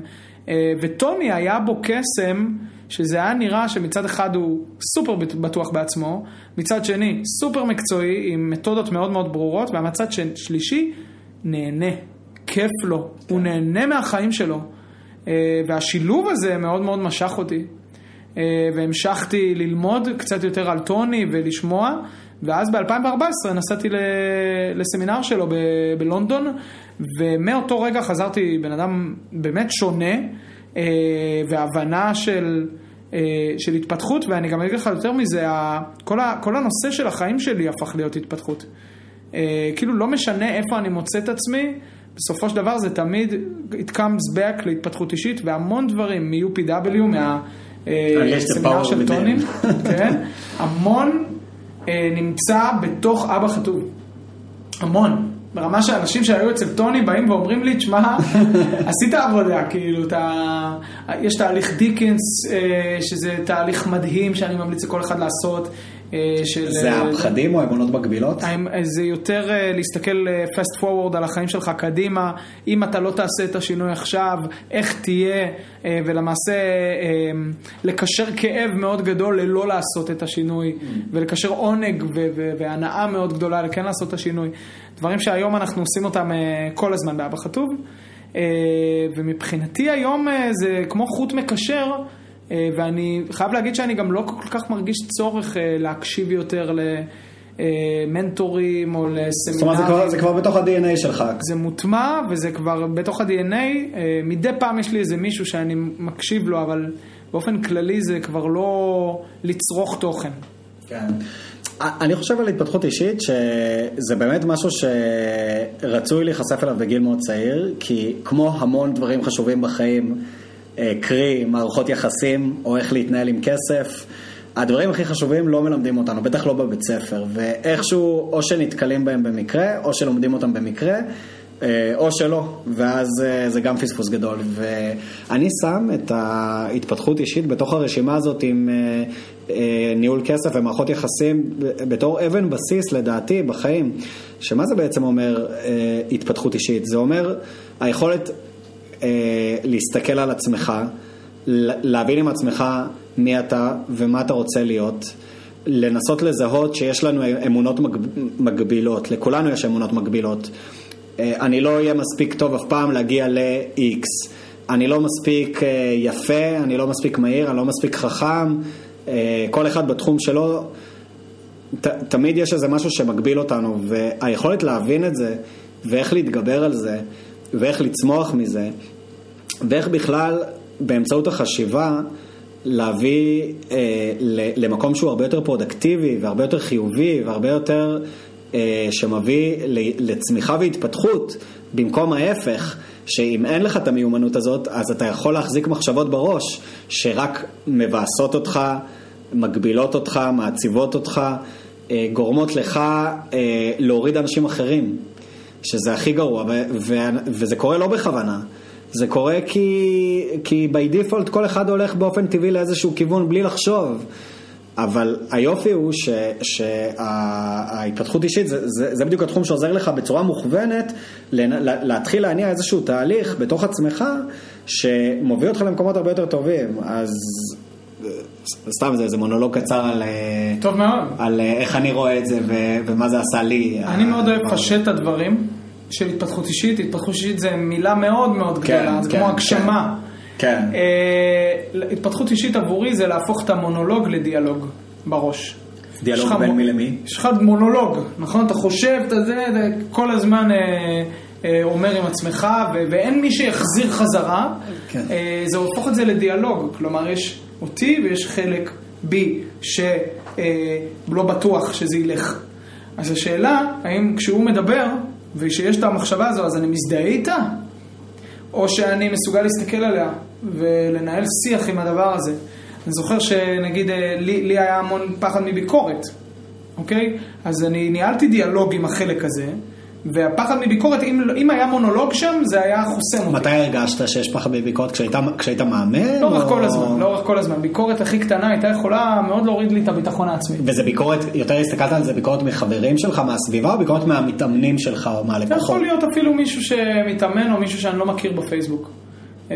אז זה רק אה, מדגיש לי כמה התגובות בפייסבוק שהיו בתוכנית בוקר, אה, ניגנו כנראה על הנקודה הזאת גם. נכון. וזה היה פחד מביקורת מאוד גדול, ו... כי זה היה מונולוג, שהזדהיתי איתו לחלוטין. לי יש פחד מביקורת.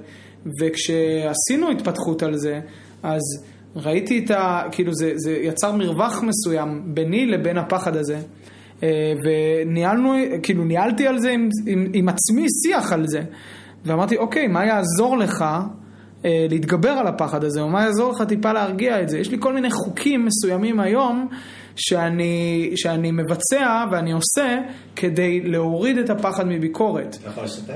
אה, כשאני נגיד אה, מפרסם פוסט, אז אני יודע שיהיו...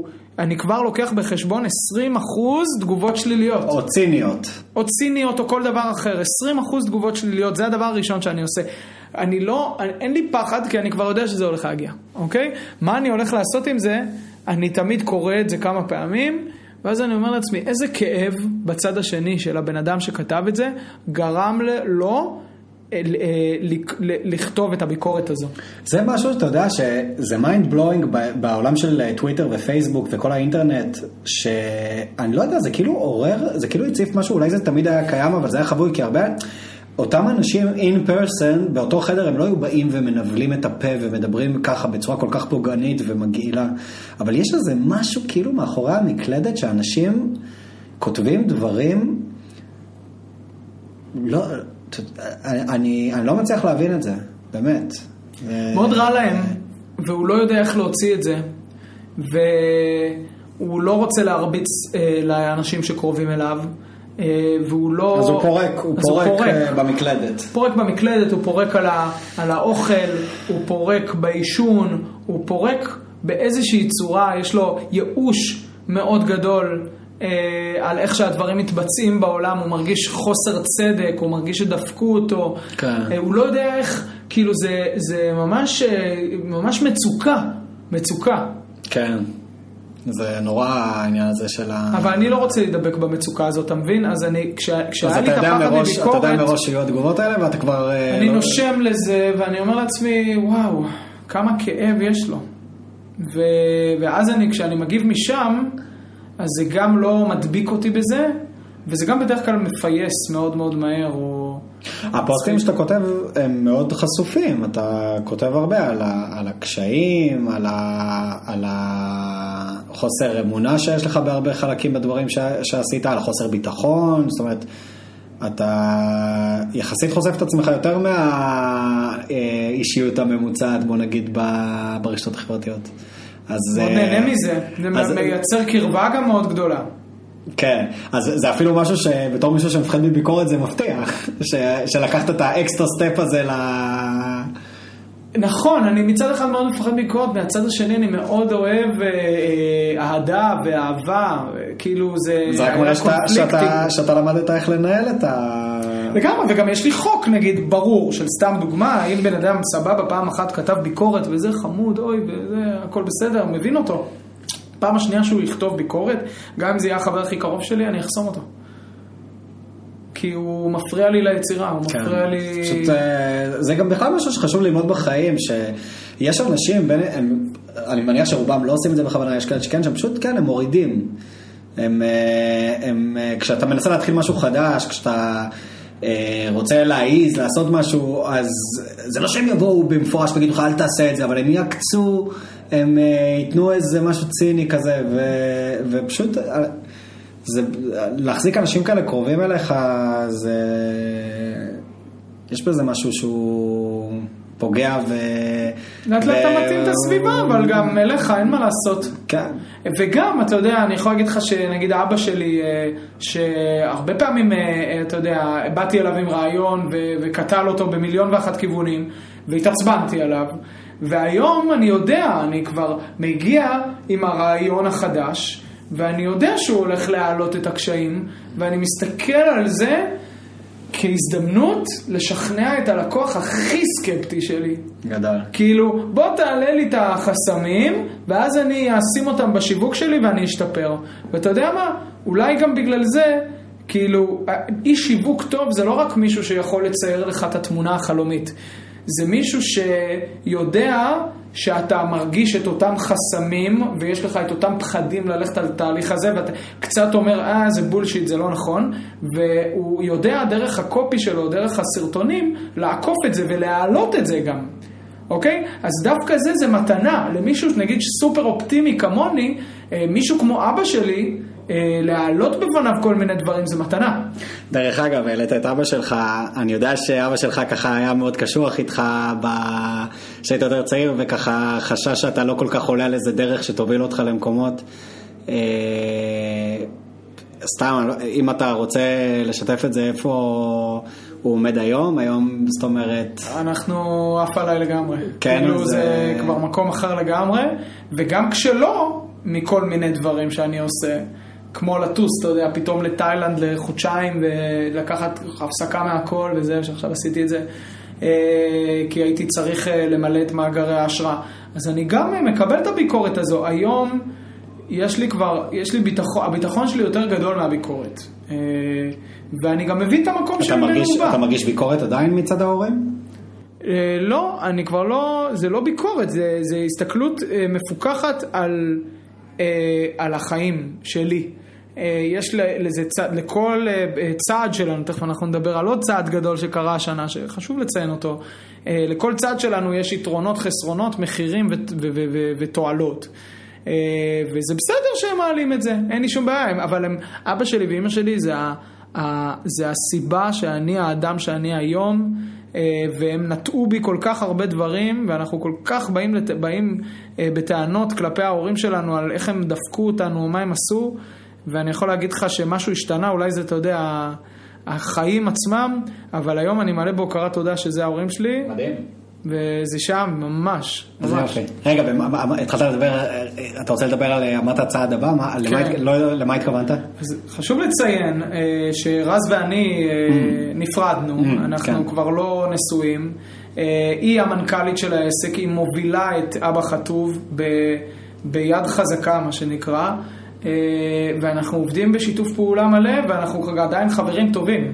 כלומר, בו זמנית, בו זמנית לתהליך הזה היה גם תהליך של פרידה, לתהליך של הצמיחה המאוד גדולה הזו, שבו הבנו שהחזונות שלנו מאוד שונים, וזה גם בסדר, וגם את זה אגב, לא היה אפשר לעשות את התהליך אה, פרידה הזה ולהישאר חברים טובים בלי אה, להפוך את, הדיאלוג, את המונולוג בראש לדיאלוג, כי המונולוג הוא, הוא דפקה אותי, הוא דפק אותי, זה לא בסדר, זה באשמתה, זה באשמתו, זה ה-ants, אה, Automatic Negative Thoughts, אה, וההתפתחות אישית כאן תרמה לזה בצורה מטורפת, אה, גם לבריאות הנפשית שלנו וגם של הילדות שלנו. מדהים, מדהים, ואני באמת חושב שזה משהו שלא רואים אותו הרבה, זוג שנפרד ומצליח לקיים ביחד יחסים חמים וטובים ומפרגנים, ובעצם אה, לעבוד כמעט יום יום, באופן יומיומי. לגמרי. על, על העסק, והעסק משגשג. אה, וגם כשיש כעסים הש... ו- ו- ופגיעות ו- וריבים, השאלה מה אתה עושה. כלומר, האם אתה שורף את הקשרים? או האם אתה מתקרר קצת ומדבר על הדברים ופותר אותם באיזשהו אופן, או פותר אותם עם עצמך. אני הייתי צריך לעשות המון עבודה רגשית ו- ומנטלית כדי להיפטר מכל מיני כעסים ודברים ואכזבות שיש לי, אה, ואז לבוא אליה הרבה יותר נקי מתוך המקום הזה. כן, כן. טוב, מעולה. אה, תראה, דיברנו על צביקה המאמן כושר, והתזונאי והאיש שיווק. אה, אבל יש משהו אחד שאמרתי לעצמי, שבפודקאסט הזה אני חייב להזכיר אותו, זה לא יעזור. אה, בחתונה שלי ושל נוי, במרץ 2015, מי שהכניס אותנו לחופה עם פסנתר ושירה יפהפייה, זה היית אתה, צביקה. אז מעבר לכל הדברים האלה, אתה גם שר ומנגן מדהים. אז הייתי חייב להעלות את הנקודה הזאת ש... אה, גם המאזינים יכירו את זה, ו, וזה גם עוד אה, זווית שאולי לא, לא כולם מכירים אצלך בעצם החיבור הזה למוזיקה, שבעצם קצת שמת אותו, בוא נגיד, מאחור. לחלוטין. או אתה עדיין נותן לזה מקום בחיים שלך? אני עכשיו חוזר לתת לזה מקום בחיים שלי, אני חושב שמיד אחרי ה... שהכנה, שעשינו בחופה, ובאזור 2015 איפשהו שמתי את זה בצד, אה, התמקדתי המון בעבודה ובזוגיות שרז ואני בנינו ובמשפחה וכל הדברים האלו, אה, ואחרי זה בהרזייה. היום אני במקום שגם יש לי הרבה יותר זמן פנוי לזה, והרבה יותר רוגע. אתה רואה את זה יותר בתור תחביב, או גם יש סיכוי שזה משהו שתעשה אותו ברצינות? כרגע תחביב, תחביב, תן לי, אנחנו בונים עכשיו להקה מחדש. אה, יש להקה? של כמה חבר'ה שגורים באזור רוטשילד, כן. אני מחכה להזמנה. מגניב לגמרי, כן, ויהיה כיף, וזה זה הלייפסטייל ש, שגם אבא חטוב אפשר, שמאפשר לעשות את זה. אה, כן, וגם האמונה העצמית, וגם... זה שזה לא חייב להיות מושלם, כי אני הייתי אוכל סרטים על השירה והנגינה שלי, שכן, לא, התקבלתי, לא התקבלתי, אני טוב, אני לא טוב, והיום זה מתוך המקום של, זה בכלל לא זה, זה מתוך המקום של אה, פריקה וכיף עם אה, חברים, ו... וזהו. מדהים, מדהים. יש גם את הנושא של הברנאוט שרציתי לדבר איתך עליו. Yes. Uh, אתה כתבת, פעם בשלושה חודשים בערך אני קורס לגמרי, לכמה ימים. וכל מה שבא לי לעשות זה לקחת את הרגליים ולברוח לתאילנד ולאכול כריות כל היום. Uh, זה עדיין קורה לך גם היום? Uh, בצורה הרבה יותר פחותה. Uh, אני ספרינטר. מה זה אומר? ספרינטרים זה אנשים שלא עובדים בצורה רגועה. לינארית. לא, לינארית, זה בדיוק. אצלי זה אטרף, אני יכול לעבוד, אתה יודע, אנחנו יכולים לעשות יום צילומים, ואנחנו יכולים להעלות עם בין 70 ל-100 סרטונים ביום, אוקיי? ביום צילום, אחד. קשוח. קש... מה זה קשוח? חבל על הזמן. Um, והרבה פעמים לא, כיבד, לא כיבדתי את, ה, את הצורך שלי ב, ב, ברגיעות האלה. אז יש לי, אה, היום, מה ששומר עליי, אה, זה ימים של פרפורמנס וימים של קצת יותר צ'יל. אה, ימי ראשון, שלישי וחמישי זה ימי הפרפורמנס שלי. זה ימים שבהם אני בא ויש לי KPI, דבר אחד מאוד ברור וגדול שאני רוצה להשיג באותו יום ואני מתחרה עליו. בימי שני, ורביעי ושישי ושבת זה ימי רגיעה יותר, זה ימי הטמעה אני קורא לזה. Uh, היום אנחנו ביום שני, אז היום נגיד אחרי הפודקאסט, אז אנחנו, אז אני הולך לישיבת הכוכבים בהרצליה קצת לקנות בגדים, והולך לשחק באולינג, ואולי הולך לאיזה הליכה בים, ותוך כדי מדבר עם, ה, עם הלקוחות, עם העובדים ומה שצריך, אבל קצת יותר בצ'יל. ובגלל שאני עושה את זה, את ה-ups and downs האלה כמו שצריך, אז, אז אני פחות מועד לברנאוט, אבל בעבר היה לי שבעה ימים בשבוע, טירוף, כל יום, ועבורי זה לא עבד. אתה מרגיש שברנאוט זו תופעה אה, רחבה? ש... מאוד. אני מרגיש שרובנו בסוג של ברנאוט כרוני. איך בן אדם יכול לדעת שהוא נמצא בברנאוט? לדעתי, רמת המוטיבציה אה, שיורדת משמעותית, רמת השראה, אה, זה, זה מה שעבורי, רמת מוטיבציה זה לדעתי ככלל. אה, אנחנו רואים את זה בעולמות שלנו גם כחשקים ורעה ועלייה במשקל ושינה פחות איכותית וקצת פחות אנרגיה, כלומר ממש פיזי. וזה אומר שהפרפורמנס לא, כאילו, הוא יותר גבוה מדי. גם יוסיין בולט שמתאמן לספרינטים, אז הוא לא מתאמן שעתיים רץ ספרינט. הוא בתכלס כל השבוע אולי שעה וחצי, שעתיים רץ ספרינטים, גג, והגזמתי. כן, אי אפשר... אי אפשר יותר מזה, כן, בדיוק. אז, אז אני חושב שזה גם לקבל, במיוחד אנשים אינטנסיביים כמונו, כמוני, נראה לי אתה קצת יותר צ'יל ממני לאורך זמן. אני, אני מנסה להיות מאוזן אה, תמיד, כלומר, אני... אני חושב שאני אתן את הקרדיט פה לאימא שלי, שבגיל צעיר אה, חלחלה לי את זה לראש, את העניין הזה שאני צריך להיות אה, באיזון כדי, אה, לא יודע, היה לי איזה אטופיק דרמטיטיס וכל מיני דברים כאלה שיצאו במצב, כמו שבמצבי לחץ יוצאים פצעים, mm, כל מיני דברים כאלה. Okay. אוקיי. ואז היא אומרת, אתה תמיד צריך לשמור על בלנס, כאילו לא להיות, לעבוד, אבל, אבל לקחת הפוגה, וזה חלחל לי בגיל מאוד צעיר, ואני נותן לה על זה קרדיט, וגם אני עם השנים למדתי לפתח את זה יותר, והיום אני מאוד קשוב לעצמי, זאת אומרת... אה, ספורט זה משהו שאני מצאתי אותו כמשהו שנותן לי המון איזון לחיים, המון. אה, גם אה, לקחת זמן שאני עם עצמי, בין אם זה קורא ספר או שומע פודקאסט, כל מיני מקומות כאלה שאני יכול, פשוט מרגיש שכל העולם עוצר ואני מוריד הילוך. ו... ואני יכול בעצם ריצ'ארג', כאילו להיטען מחדש. Mm-hmm. דבר סופר חשוב. מדהים. אתה רוצה שאני אמלא לך... לא, לא צריך, לא צריך. תהיה בסדר? לגמרי, אל תדאג. סבבה, איזה יופי אבל. אה, כן, אז זה דבר חשוב. אה, ורק רציתי להוסיף בקטע כן. הזה, שיש לי ולך איזושהי השלמה כאן, כי אתה באמת לונג טרם.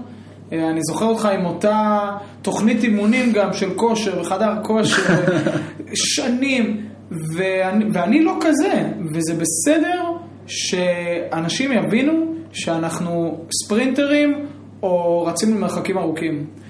ואם אתה ספרינטר, אז זה בסדר גם לקחת, וזה משהו שאני היום עושה אותו, פעם בשלושה חודשים. פעם פשוט הייתי מתחרפן. היום אני יודע, פעם בשלושה חודשים אני נוסע לחו"ל.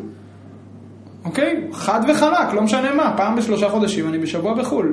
וזה מה שעוזר, מה שעוזר אה, להגיע לאיזון? וה-ups and downs האלה של ימי ראשון, שלישי וחמישי פרפורמנס, קיקאס, ושני, רביעי ושישי ושבת. יותר צ'ילקס אה, וקריאה יותר, כתיבה, כזה דברים יותר רגועים. אבל אני מנסה לחשוב, נגיד, שומע אותנו עכשיו אה, איזשהו מאזין או מאזינה שעובדים באיזושהי, נגיד, אה, חברת טכנולוגיה והם עובדים שכירים, הם עובדים חמישה ימים בשבוע, הם לא יכולים בשני, שלישי וחמישי to chill. נכון. אז מה, מה היית אומר להם לעשות אם הם מרגישים את ה-overwhelming הזה או את ה-burnout הזה? קודם כל, היום אנחנו כבר בשוק עבודה קצת יותר, אה, קצת יותר גמיש. כן, עבודה מהבית ללא ספק עוזרת בהיבט הזה. בדיוק. אה, וגם בעבודה מהבית זה לא אומר שאתה צריך להיות מהמחשב אה, מ-9 עד 6 להסתכל ולעבוד רצוף. זה להבין, יכול להיות שעבורם באמת ארבעה ימים בשבוע צ'ילקס זה, זה, זה לא הגיוני. גם אני עובד בימים האלה, הכל בסדר, פשוט יותר רגוע. אה, אבל אה, שעתיים לעבוד ושעה לעשות משהו אחר. כאילו צריך להבין את, את הסייקלים האלה שמתאימים, במיוחד עבור אנשים שהם בווליום גבוה ובקצב מאוד מאוד גבוה. אה, וזה משהו שחשוב להבין אותו לדעתי מאוד, זה גם, גם בריאות נפשית ופיזית, אני ממש מרגיש, במשך שנים היו לי כאבים כרוניים בגוף. ואני ממש מרגיש איך בתקופות כאלה זה יורד משמעותית, אה, ואני מרגיש הרבה יותר בריא, נפשית. זה, זה שווה הכל בעיניי. מעולה, מעולה. האמת שאני רציתי לדבר איתך גם על עוד משהו שמשותף לשנינו, ובוא נראה אם נצליח להשחיל את זה גם.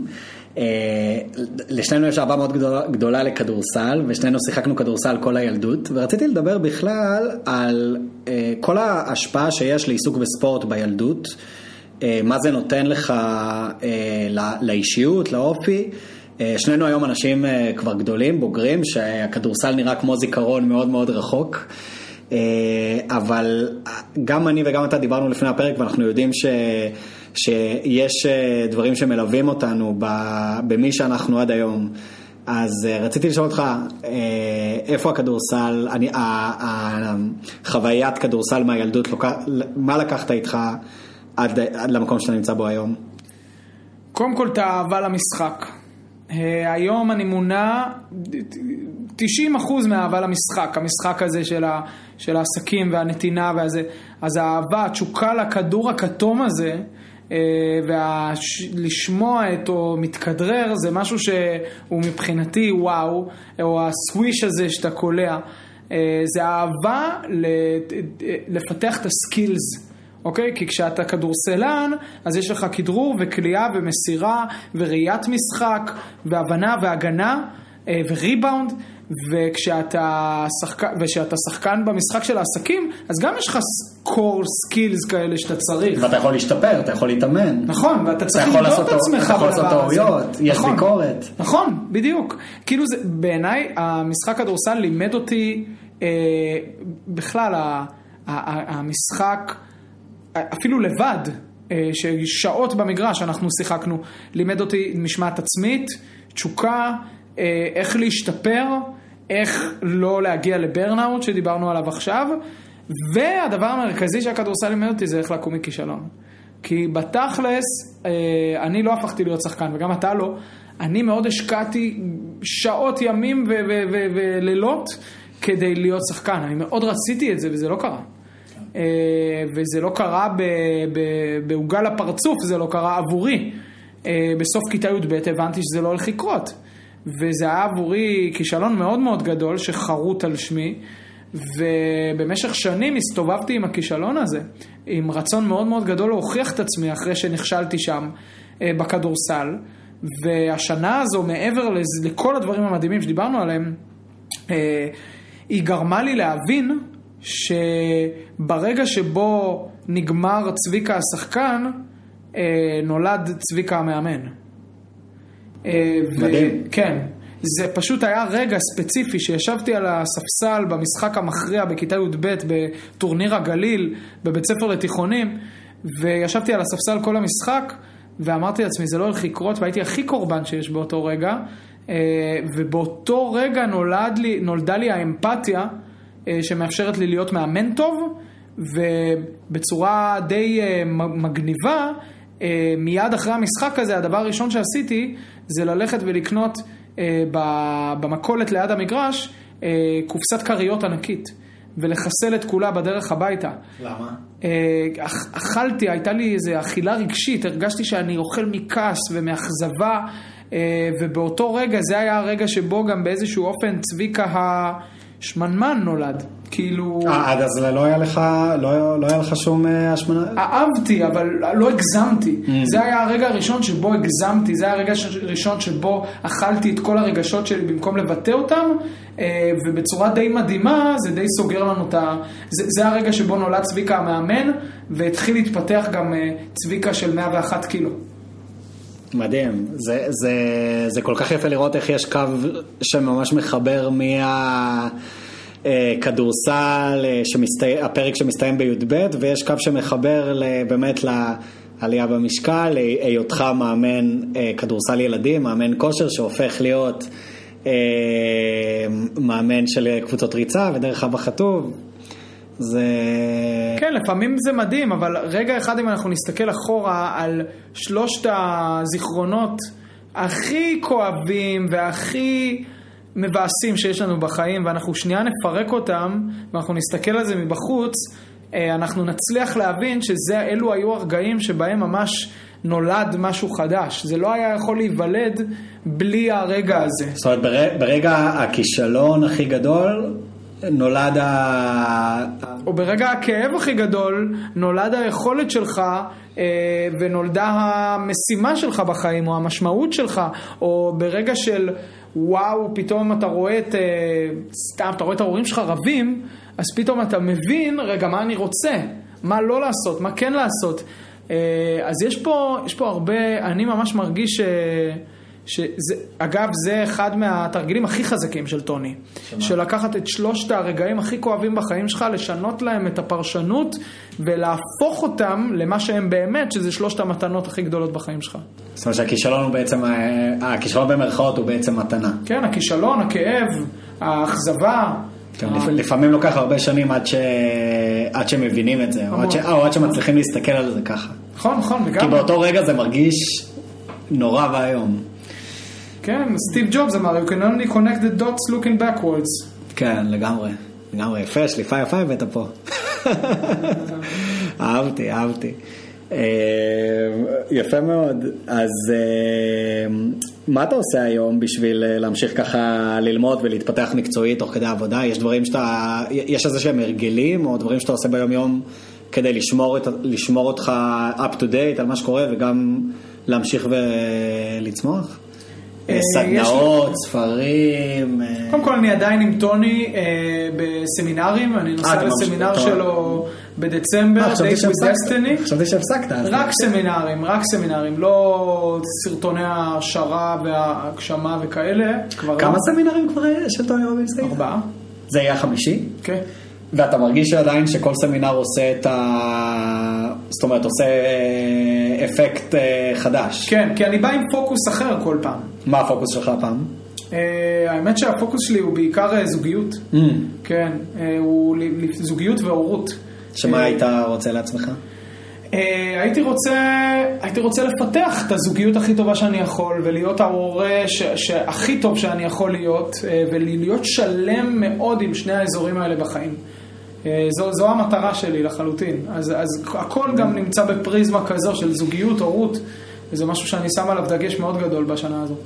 יפה מאוד, לא ידעתי. כן. אז רגע, אוקיי, אז יש לנו את הסמינר של טוני רובינס, מה עוד? Uh, מעבר לזה, זה פשוט אני נוטה לקנות פגישות עם אנשים שאני מאוד מאוד מאמין בהם ומאוד תופס מהם. יפה. Uh, כן. מה זה אומר לקנות פגישות? כאילו אני קונה את זמנם, מה שנקרא, כאילו אני... מי למשל האנשים שאתה מעריך ו...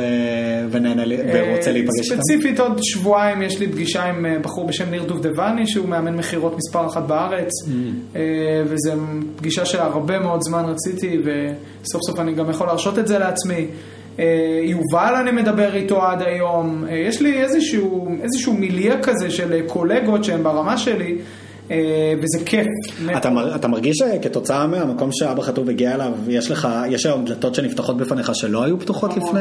אתה יכול לתת איזה דוגמה, או נגיד אנשים שפעם לא היית מרגיש בכלל בנוח לדבר איתם והיום כן, או מקומות שלא היו מכניסים אותך והיום כן, יש, יש דברים כאלה? אני חושב שספקים מתייחסים אלינו בצורה אחרת ואליי, בין אם זה צלמים, עורכים, משווקים, אתה יודע, פעם אני הייתי צריך לקטט רגליים ולמצוא סוכנות שיווק, סתם דוגמא דיגיטל, היום הם רודפים אחרינו, mm. כאילו כי הם מבינים את הפוטנציאל ואת הסקייל, כן. אז זה דברים מאוד מעניינים, והדבר השני, כן, זה... לאט לאט נוצר, כאילו נוצר איזה, נוצרת איזושהי רשת של קשרים אה, שהיא מבחינתי זכות גדולה, אתה יודע, להיות בחדר עם אנשים שבאמת יצרו עסקים ורבים ופתאום אתה בא ואתה מסתכל מבחוץ ואתה אומר לעצמך, כן זה אתה, צביקה, המאמן כדורסל הזה ש... שיושב פה ולא נופל ממנו. ו... לאט לאט אני מתחיל להאמין שאני לא נופל ממנו, לאט לאט. אבא שלי כל הזמן אומר לי, אתה לא צריך ללכת לסדנאות, אתה יכול לעשות את זה בעצמך, תפסיק לשלם להם כסף. אבל... זה מה זה הדור הקודם, אה? כן, מה אתה? זה משלם לו כסף, אתה יכול ללמד אותו. אבל, וזה כיף, ולאט לאט אני מתחיל להאמין בזה שאני שווה לו, אוקיי? או אני שווה להם. לאט לאט אני מתחיל להבין, נגיד עם טוני, אז בהתחלה זה היה, טוני, וואו, באברסט. היום אני כבר יכול להסתכל עליו, זה לא, לא באותו לבל, אבל אני כבר יכול להסתכל ולהבין כבר איך הוא חושב, ולהבין למה הוא אמר את הדבר שהוא אמר עכשיו, ולהבין קצת יותר את האישיות המורכבת שלו, ופחות להסתכל עליו כמנטור. תראה, טוני רובינס, דבר שלנו מאוד טוב במה שהוא עושה, והוא גם אומר את זה בעצמו, הוא, הוא, הוא פחות אה, המציא את הגלגל, וכל העקרונות שהוא מלמד, אה, זה בעצם, אה, הוא אומר את זה בעצמו, הוא קרא המון המון המון ספרים של התפתחות אישית, והוא בעצם איגד אותם ביחד לכדי תוכנית. שלאדם הפשוט יותר קל להבין אותה, זאת אומרת יותר דייג'סטיבל. מאוד, שזה, מאוד, עצם זה שהוא, חטוב, אגב. עצם זה שהוא מרצה מדהים ו, ויודע להעביר את זה בצורה שהיא מעניינת ומרגשת ומבדרת, זה הקרדיט שלו וזה מה... וזה מה שהוא בנה, אבל אה, כן, ללא ספק, הוא לא, הוא לא המציא שם את הגלגל או משהו כזה. אני חושב ש looking back, אה, יצא לו אה, מאוד טוב, הוא התחיל איפשהו בשנות ה-80, שה cable TV נהיה ממש פופולרי בארצות הברית, הוא אה, פרסם את עצמו במה שהיה אז ערוץ הקניות, ב infomercial של רבע שעה, עשרים דקות, וב massive scale הוא הצליח להגיע להמון אנשים שקנו, אז זה היה אה, cassette או CD של ה audio tapes. אה, של ההתפתחות אישית שלו, ו, ומשם זה צמח לסמינרים, ואז כבר אה, נוצר איזה flywheel אה, כזה, שהוא היה הכי גדול, אז האנשים הכי גדולים ומפורסמים הגיעו אליו, וזה רק עשה אותו עוד יותר גדול, ויש איזה שלב שאתה מגיע אליו, דרך אגב, אני חושב שאתה בדרך לשם. אה, לפחות פה ב- בישראל, ש- שזה כבר, זה נהיה מין flywheel כזה שכבר, שזה כבר מאכיל את עצמו וזה כבר עף לבד. נכון, יש איזה רגע כזה שאתה מבין שהכדור שלג הזה הוא כבר עם מומנטום מאוד משמעותי. אה, אנחנו שם ולא שם, אתה יודע. כן, כן. כאילו, תראה, זה, זה, מתחיל, זה מתחיל מאיזושהי נישה, כמו נגיד אתה התחלת באבא חטוב, שזה בהערכה גסה גיל, גברים בגילאי 30 עד 60, 30 עד 60 ש, שמרגישים שרוצים להתחתן, באופן טבעי ברור שקהל היד הזה ילך ויגדל עם, עם, עם הזמן, ודרך אגב אולי, אולי גם האופרינג ילך ויגדל וזה לא יהיה רק הנושא של הרזייה, זה יכול להיות... אה, אני אזרוק לך רעיונות שבטוח חשבת עליהם, אה, של אה, התפתחות אישית, איך להתגבר על מחסומים, איך להצליח בקריירה, איך להביא בלנס, כלומר... אנחנו זה... לגמרי בדרך לשם. יש לי, יש לי דרך מאוד מאוד גדולה מבחינת אמונות מקבילות להגיע כן, לשם. כן. אבל נגיד חלק ממה שאנחנו עושים עכשיו, אנחנו מפתחים תוכנית הכשרת מנטורים בשיטה הלפטינית. כלומר, אני לוקח את כל השיטה ואני למעשה בונה אנשים שהם, אה, שזה יהיה הקריירה שלהם. אבל אז אין סכנה שהם יגנבו לך מהביזנס? לא, הם אה, סוג של זכיינים שלנו. אז זה סטייל אלון גל שלמדת כן, כן. מהטובים ביותר מה שנקרא. זה הכי טבעי, אתה יודע, הם גם ככה עושים את זה לכל החברים שלהם. איך זה הולך בתחום הזה? כלומר, נוצר מצב נגיד שאלון גל או מישהו מהדומים יוצר איתך קשר ומנסה להבין איך... אה, ככה לקחת רעיונות, תובנות, להחליף, להחליף את זה קורה? עד עכשיו זה לא זה קרה, לא קורה? כן. עד עכשיו זה לא קרה, אה, פנו, פנו אליי קצת אה, אנשים, קולגות מהתחום של הכושר והתזונה, אבל לא, לא משהו בסקייל הזה. גם זה יגיע, כאילו שיתופי כן. פעולה צריכים להגיע בצורה אורגנית ולאט לאט. וקודם כל זה שאנחנו קמים בבוקר ועושים את מה שאנחנו אוהבים, באמת, זה נשמע הכי קשיצ'י. אבל אני קם בבוקר ואני עושה את מה שאני אוהב, את מי, עם מי שאני אוהב, ויש לנו אחלה של השפעה בעולם, ואנחנו מרוויחים לא מעט כסף מזה, אז מה יכול להיות יותר טוב מזה? אז כאילו גם, גם למען האמת, הצעד הבא פחות מדליק אותי מאשר ליהנות מהצעד הנוכחי. מדהים, מדהים.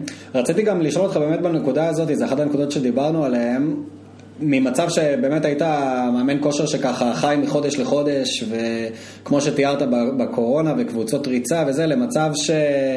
אה, איך שלא הופכים את זה, בוא נקרא לזה רווחה כלכלית. אתה מרגיש שהשינוי הזה אה, השפיע עליך באיזושהי צורה, לטובה, אה, אולי לרעה, אולי זה הוריד את הרעב? או, או... שאלה טובה. אחרי הכתבה, אז אה, וואו, פתאום אה, אתה יכול לקנות לעצמך כל מיני דברים, ואנחנו באים ובבום, אה, מחזירים את ההלוואה. הבנק חשב שהוא השתגענו, כאילו, מה, מה קרה? איך, איך, מה קרה לכם? זכיתם בלוטו? אבל, ואז זה נרגע, ואז אני חוויתי בחודשים לאחר מכן ירידת מוטיבציה משמעותית. כי המוטיבציה שלי כל השנים הייתה להצליח ולעשות כסף בעזרת דברים שאני אוהב. אה, ו, ו, וכשעשיתי את זה, וכשהגיע הכסף, אז אה, היה לי ירידת מוטיבציה, ואני חושב שעד לפני שלושה חודשים פלוס מינוס. אה, אני הייתי במוטיבציה, מוטיבציה בייסיק לחלוטין, כדי לשמור על הקיים, ואז קרה לי משהו בתאילנד, שגרם לי לחזור חזרה לפול מוטיבציה ולשנות את הסדר. במקום המטרה שלי זה להצליח ולעשות כסף בעזרת אבא חטוב ובעזרת דברים שאני אוהב ומאמין בהם, המטרה שלי זה ליהנות ו- וליצור בתוך אבא חטוב ולהשפיע, וכן, גם הכסף בא עם זה ו- וזה נהדר. אה, אז זה משהו, תובנה ממש חדשה שהייתה לי שם. כאילו חזרה לי המוטיבציה. אבל אני רוצה להבין, ירדה לך המוטיבציה למה? כי השגתי את המטרה. אה, ואז, זאת אומרת, ואז כבר אין לך משהו חדש לשאול? כן, המטרה שלי הייתה, אמרתי לעצמי, וואו, אם אני מצליח להרוויח 30 אלף שקל בחודש, וואו. 35, יואו, עשיתי את שלי, וואו. Mm-hmm. אז פתאום מה קורה שאתה מקבל פי 10, פי 20 מזה? כאילו, מה, מה מניע אותך? מה, מה, מה דוחף אותך? אה, ואצלי זה הנתינה, היצירה, העובדים שלי, שאני מאוד אוהב לעבוד איתם, הצוות שלי, ההשפעה של זה בעולם. היום זה נטו זה, וה, והכסף, אה, אני לא בזבזן גדול של קניות גדולות. יש לי אוטו, אבא שלי נתן לי את האוטו שלו לפני חודש, מכר לי אותו. זה האוטו הכי טוב בעולם מבחינתי, אני לא צריך יותר מזה. אה, בית, אני לא עכשיו אקנה איזה פנטאוס, כאילו זה לא הסגנון שלי, אבל אני, אני מוציא כסף על חוויות, המון. חודש הבא אני נוסע לדואליפה. יאללה. כן, אה, ביולי נוסע לצ'ירן, בדצמבר נוסע לטוני רובינס בקליפורניה, כאילו זה המקומות, ואתה יודע, כאילו, לא, בעיקר חוויות אחי, בעיקר חוויות ונתינה לאנשים שקרובים אליי. מדהים. כן. מדהים. ו... טוב, תשמע, זה, זה באמת אה, ממש יפה. רציתי לשאול, אם היית יכול לדבר עם צביקה ש, של uh, אזור גיל 22-23, אה, והיית יכול לתפוס איתו חמש דקות בחדר. מה הייתי אומר לו? מה היית אומר לו? קנה כרטיס uh, בכיוון אחד להודו. וואלה. הולך לטיול מסביב לעולם, שרוף את כל הכסף. למה? תהנה. כי מה, הרגשת שהיית בן 22-23 לא היה לך את זה? הייתי סופר בלחץ להצליח ורצון להצליח ולא לוקח חופש וגם כשהייתי לוקח הייתי מרגיש מאוד אשם. אה, ולא היה לי, לא היה לי את הצ'ילקס הזה, את הרילקס. אז אתה בעצם חושב, אתה בעצם אומר שמתוך... עבדתי קשה מדי, סתם. מתוך הרוגע ומתוך החופש יכולה לבוא... ההשראה. ההשראה והצמיחה. והמוטיבציה וההבנה והתובנות, אם כמובן אתה לא לוקח את הרוגע ואת החופש סתם ללשבת ולא לעשות שום דבר ולהירקב עם עצמך, אה, אלא להתפתחות אישית. אה, אז, אז זה יכול להיות מדהים. אז היה לי, בתחושה שלי עבדתי פי 20 יותר קשה ממה שהייתי צריך. זאת אומרת, ה over עבודה לא היה, לא היה פרודוקטיבי? ממש בכלל. לא פרודוקטיבי, ממש לא פרודוקטיבי. אה, כן, אז מבחינתי זה, זה מה שהייתי עושה, אם, אם היום הייתי בן 22 ו, ולא הייתי איפה שאני, הייתי כרטיס אה, בכיוון אחד והולך לכל מיני עבודות הזויות, לעבוד בדייג בזה, וכאילו פשוט אה, לחוות את החיים הרבה יותר. אה, פשוט במקום כל הזמן לנסות להצליח, כל הזמן. כי בסופו של דבר ההצלחה הגיעה בצורה הכי אורגנית שיש. כן. טוב, אבל זה רואים בדיעבד, אם יש עכשיו מישהו צעיר בגיל 22-3 ששומע אותנו, בטח אומר, זה קל לך להגיד, כי אתה כבר הגעת ואתה יכול להגיד... זה מה שהייתי אומר לי, זה לא מה שהייתי אומר לו. כן, כן, כן. זה מה שהייתי אומר לי, ספציפית, הייתי מאוד לחוץ כל הזמן. כן. ולמה? זה יגיע. נכון. גם, אה, תשמע, זה קשה, כאילו, זה קשה להאמין בעצמך כשעדיין אין לך את הקבלות להגיד, אה, כבר עשיתי 1, 2, 3, היום אני יודע ש, שלא היה קורה כלום אם הייתי לוקח שנה, אבל כשאתה צעיר, אתה מרגיש שזה, שאין לך את הקבלות האלה, אז אתה, אתה רק רוצה לה, אה, את התואר הראשון, ולהגיע לעבודה הראשונה, ולקבל המון צ'ק בצ'קליסט, נכון, אה, כדי... וגם נלחמתי בעצמי עם תואר ראשון, למדתי כן. שלוש פעמים, התחלתי וניסיתי ולא הצלחתי ונלחמתי ואמרתי אני אצליח. ובדיעבד אני רואה שרק כשבאתי והתמקדתי רק בחוזקות שלי, ונתתי לרע ספציפית אה, לעשות את כל השאר, אז, אה, אז זה הצליח, וזה היה הרבה יותר קל. כן. אה, בעצם מתוך השחרור מגיעה הצמיחה. שחרור שאתה אפס ב-80% מהדברים ואתה ממש טוב ב-20% מהדברים ואתה משחרר את ה-80% האלה ואתה מתמקד ב-20% שאתה טוב בהם ואתה מוכן לעשות כן. uh, ל-80% האלה. ולא לנסות להילחם בעצמך כל הזמן. מדהים, מדהים. טוב, אנחנו מתקרבים כבר לקראת סיום, אז לפני שאנחנו אה, מסיימים, יש איזה נושא שהוא משהו שככה לא הספקנו לדבר עליו, ואתה מרגיש שככה יכול לתת אה, ערך לנו ולמאזינים? אה, אם לא, אז נגיע לשלב הסיכום, זה בסדר. אני חושב ששיווקית, אני מאוד אוהב לדבר שיווק. אה, שיווקית זה, אה, אני הייתי מאוד מאוד ממליץ על בחור בשם טוד בראון. אוקיי, אוקיי. שהוא עשה לי איך אפשר, איך אפשר למצוא אותו? איפה ב... טוד, T-O-D-D, בראון. מה, לראות סרטונים שלו ביוטיוב? ביוטיוב, ויש לו גם מוצר שנקרא E5E5 Master Class. שזה היה, זה אחד מהמוצר, כאילו זה היה... מה הוא מלמד? קורס שיווק שמה מלמד? הכי חשוב שעשיתי בחיים, אה, הוא מלמד בידול. הוא מלמד איך לבדל את המוצר שלך בצורה שכשאתה תגיש אותו ללקוח, אה, הוא יבין שהוא, שזה פשוט משהו שונה לחלוטין ממה, ש, ממה שכל מה שהוא יצר בעבר ועשה בעבר. מעולה. וזה, אה, המוצר הזה, אני צפיתי בו ויישמתי אותו ועל פיו רשמתי את האסטרטגיה השיווקית של אבא חטוב, וזה הקורס שיווק הכי חשוב שעשיתי בחיים. הקורס עולה כסף? כן. כן? כמה? אה, באזור 2,500 דולר. מדהים, תשמע זה יפה שאתה ככה מוכן לשים 2,500 דולר כדי, כדי ללמוד ו... זה שנה באוניברסיטה אחי. כן, תשמע, אתה יודע, אל תקל בזה ראש, כלומר, זה מאוד יפה שבאותו רגע היה לך את הגאץ אה, להגיד אני, אני שם את הכסף הזה ואני עושה את הקורס הזה. שמע, כשמישהו בונה מסעדה, פותח מסעדה, כמה כסף הוא שם? 150 אלף. לפחות, בוא, בואכה 2 מיליון, בסדר? טוב, תלוי אם זה דוכן פלאפל או... נכון. כשמישהו פותח חדר כושר או סטודיו, כמה כסף הוא שם? כן, כן. אז מה, אני לא אשקיע את ה-8,000-9,000 שקל האלה ב education שלי? זה יפה שאתה משקיע ב education, זה יפה. אז זה must, זה, זה, זה ההשקעה שיש לנו בעסק הזה, זה ה skills וה education, וכמובן ה marketing. אה, אז זה קודם כל דבר שאני מאוד הייתי ממליץ עליו. אוקיי, טוד בראון, איך קוראים לקורס, אתה זוכר? E5 Masterclass, E5 Masterclass. זו שיטה מדהימה ואני ממש ממליץ עליה. אוקיי, אנחנו נכניס את הקישור בשואו נוטס. מעולה. אה, עוד דברים? ומעבר לזה, אני חושב שבאמת, טוני מדבר על זה גם, אבל האובססיה לייצר אה, מוצר ופתרון שהוא אידיאלי עבור הקהל שלך, זה הדבר הכי חשוב. כי אתה יכול שיהיה לך את השיווק הכי טוב ואת את הבידול ואת הזה, אבל אם אין לך מוצר שהלקוח בא ואומר, וואו, הוא חשב עליי על כל פרט ופרט. מה, אתה יכול לתת לזה דוגמה באבא חטוב ש, שבדיוק uh, אתה מיישם את ה... יש לנו מדריך שלם להתנהלות לפטינית במילואים. Mm. אוקיי? טוב, זה ממש ספציפי. כן, זה ממש ספציפי, אבל, אבל רוב הגברים עוברים את זה באיזשהו אופן, וזה כל כך חשוב, כי זה יכול להוציא אותו לחלוטין מהאיזון. מדהים. או שעכשיו אה, לקחנו אה, סטייליסט, אה, ולקראת סוף התוכנית, הוא נותן להם ממש קורס, מיני קורס, של איך להתלבש.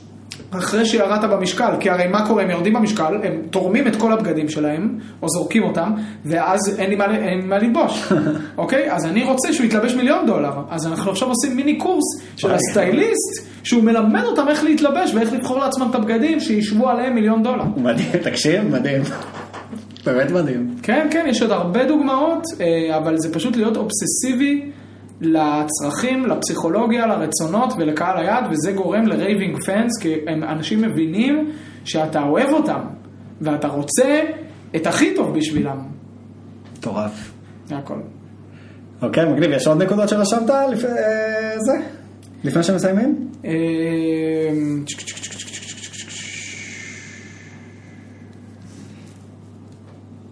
לא. אוקיי, מעולה. אז אם יש אה, מאזינים שרוצים אה, למצוא אותך ברשתות החברתיות, איפה הם יכולים... אבא חטוב אה, בגוגל, בפייסבוק, צביקה עינב, אתגר אבא חטוב. יאללה, מצוין. אז צביקה באמת היה תענוג. ממש שמחתי שהגעת להתארח ושמיד הסכמת לבוא. ברור, היה כיף. לי הייתה שיחה סופר מעניינת, אני מקווה שגם למאזינים. ויאללה, אני מקווה שתבוא לפרק נוסף בעתיד. אמן, brother. יס. תודה רבה, עודד.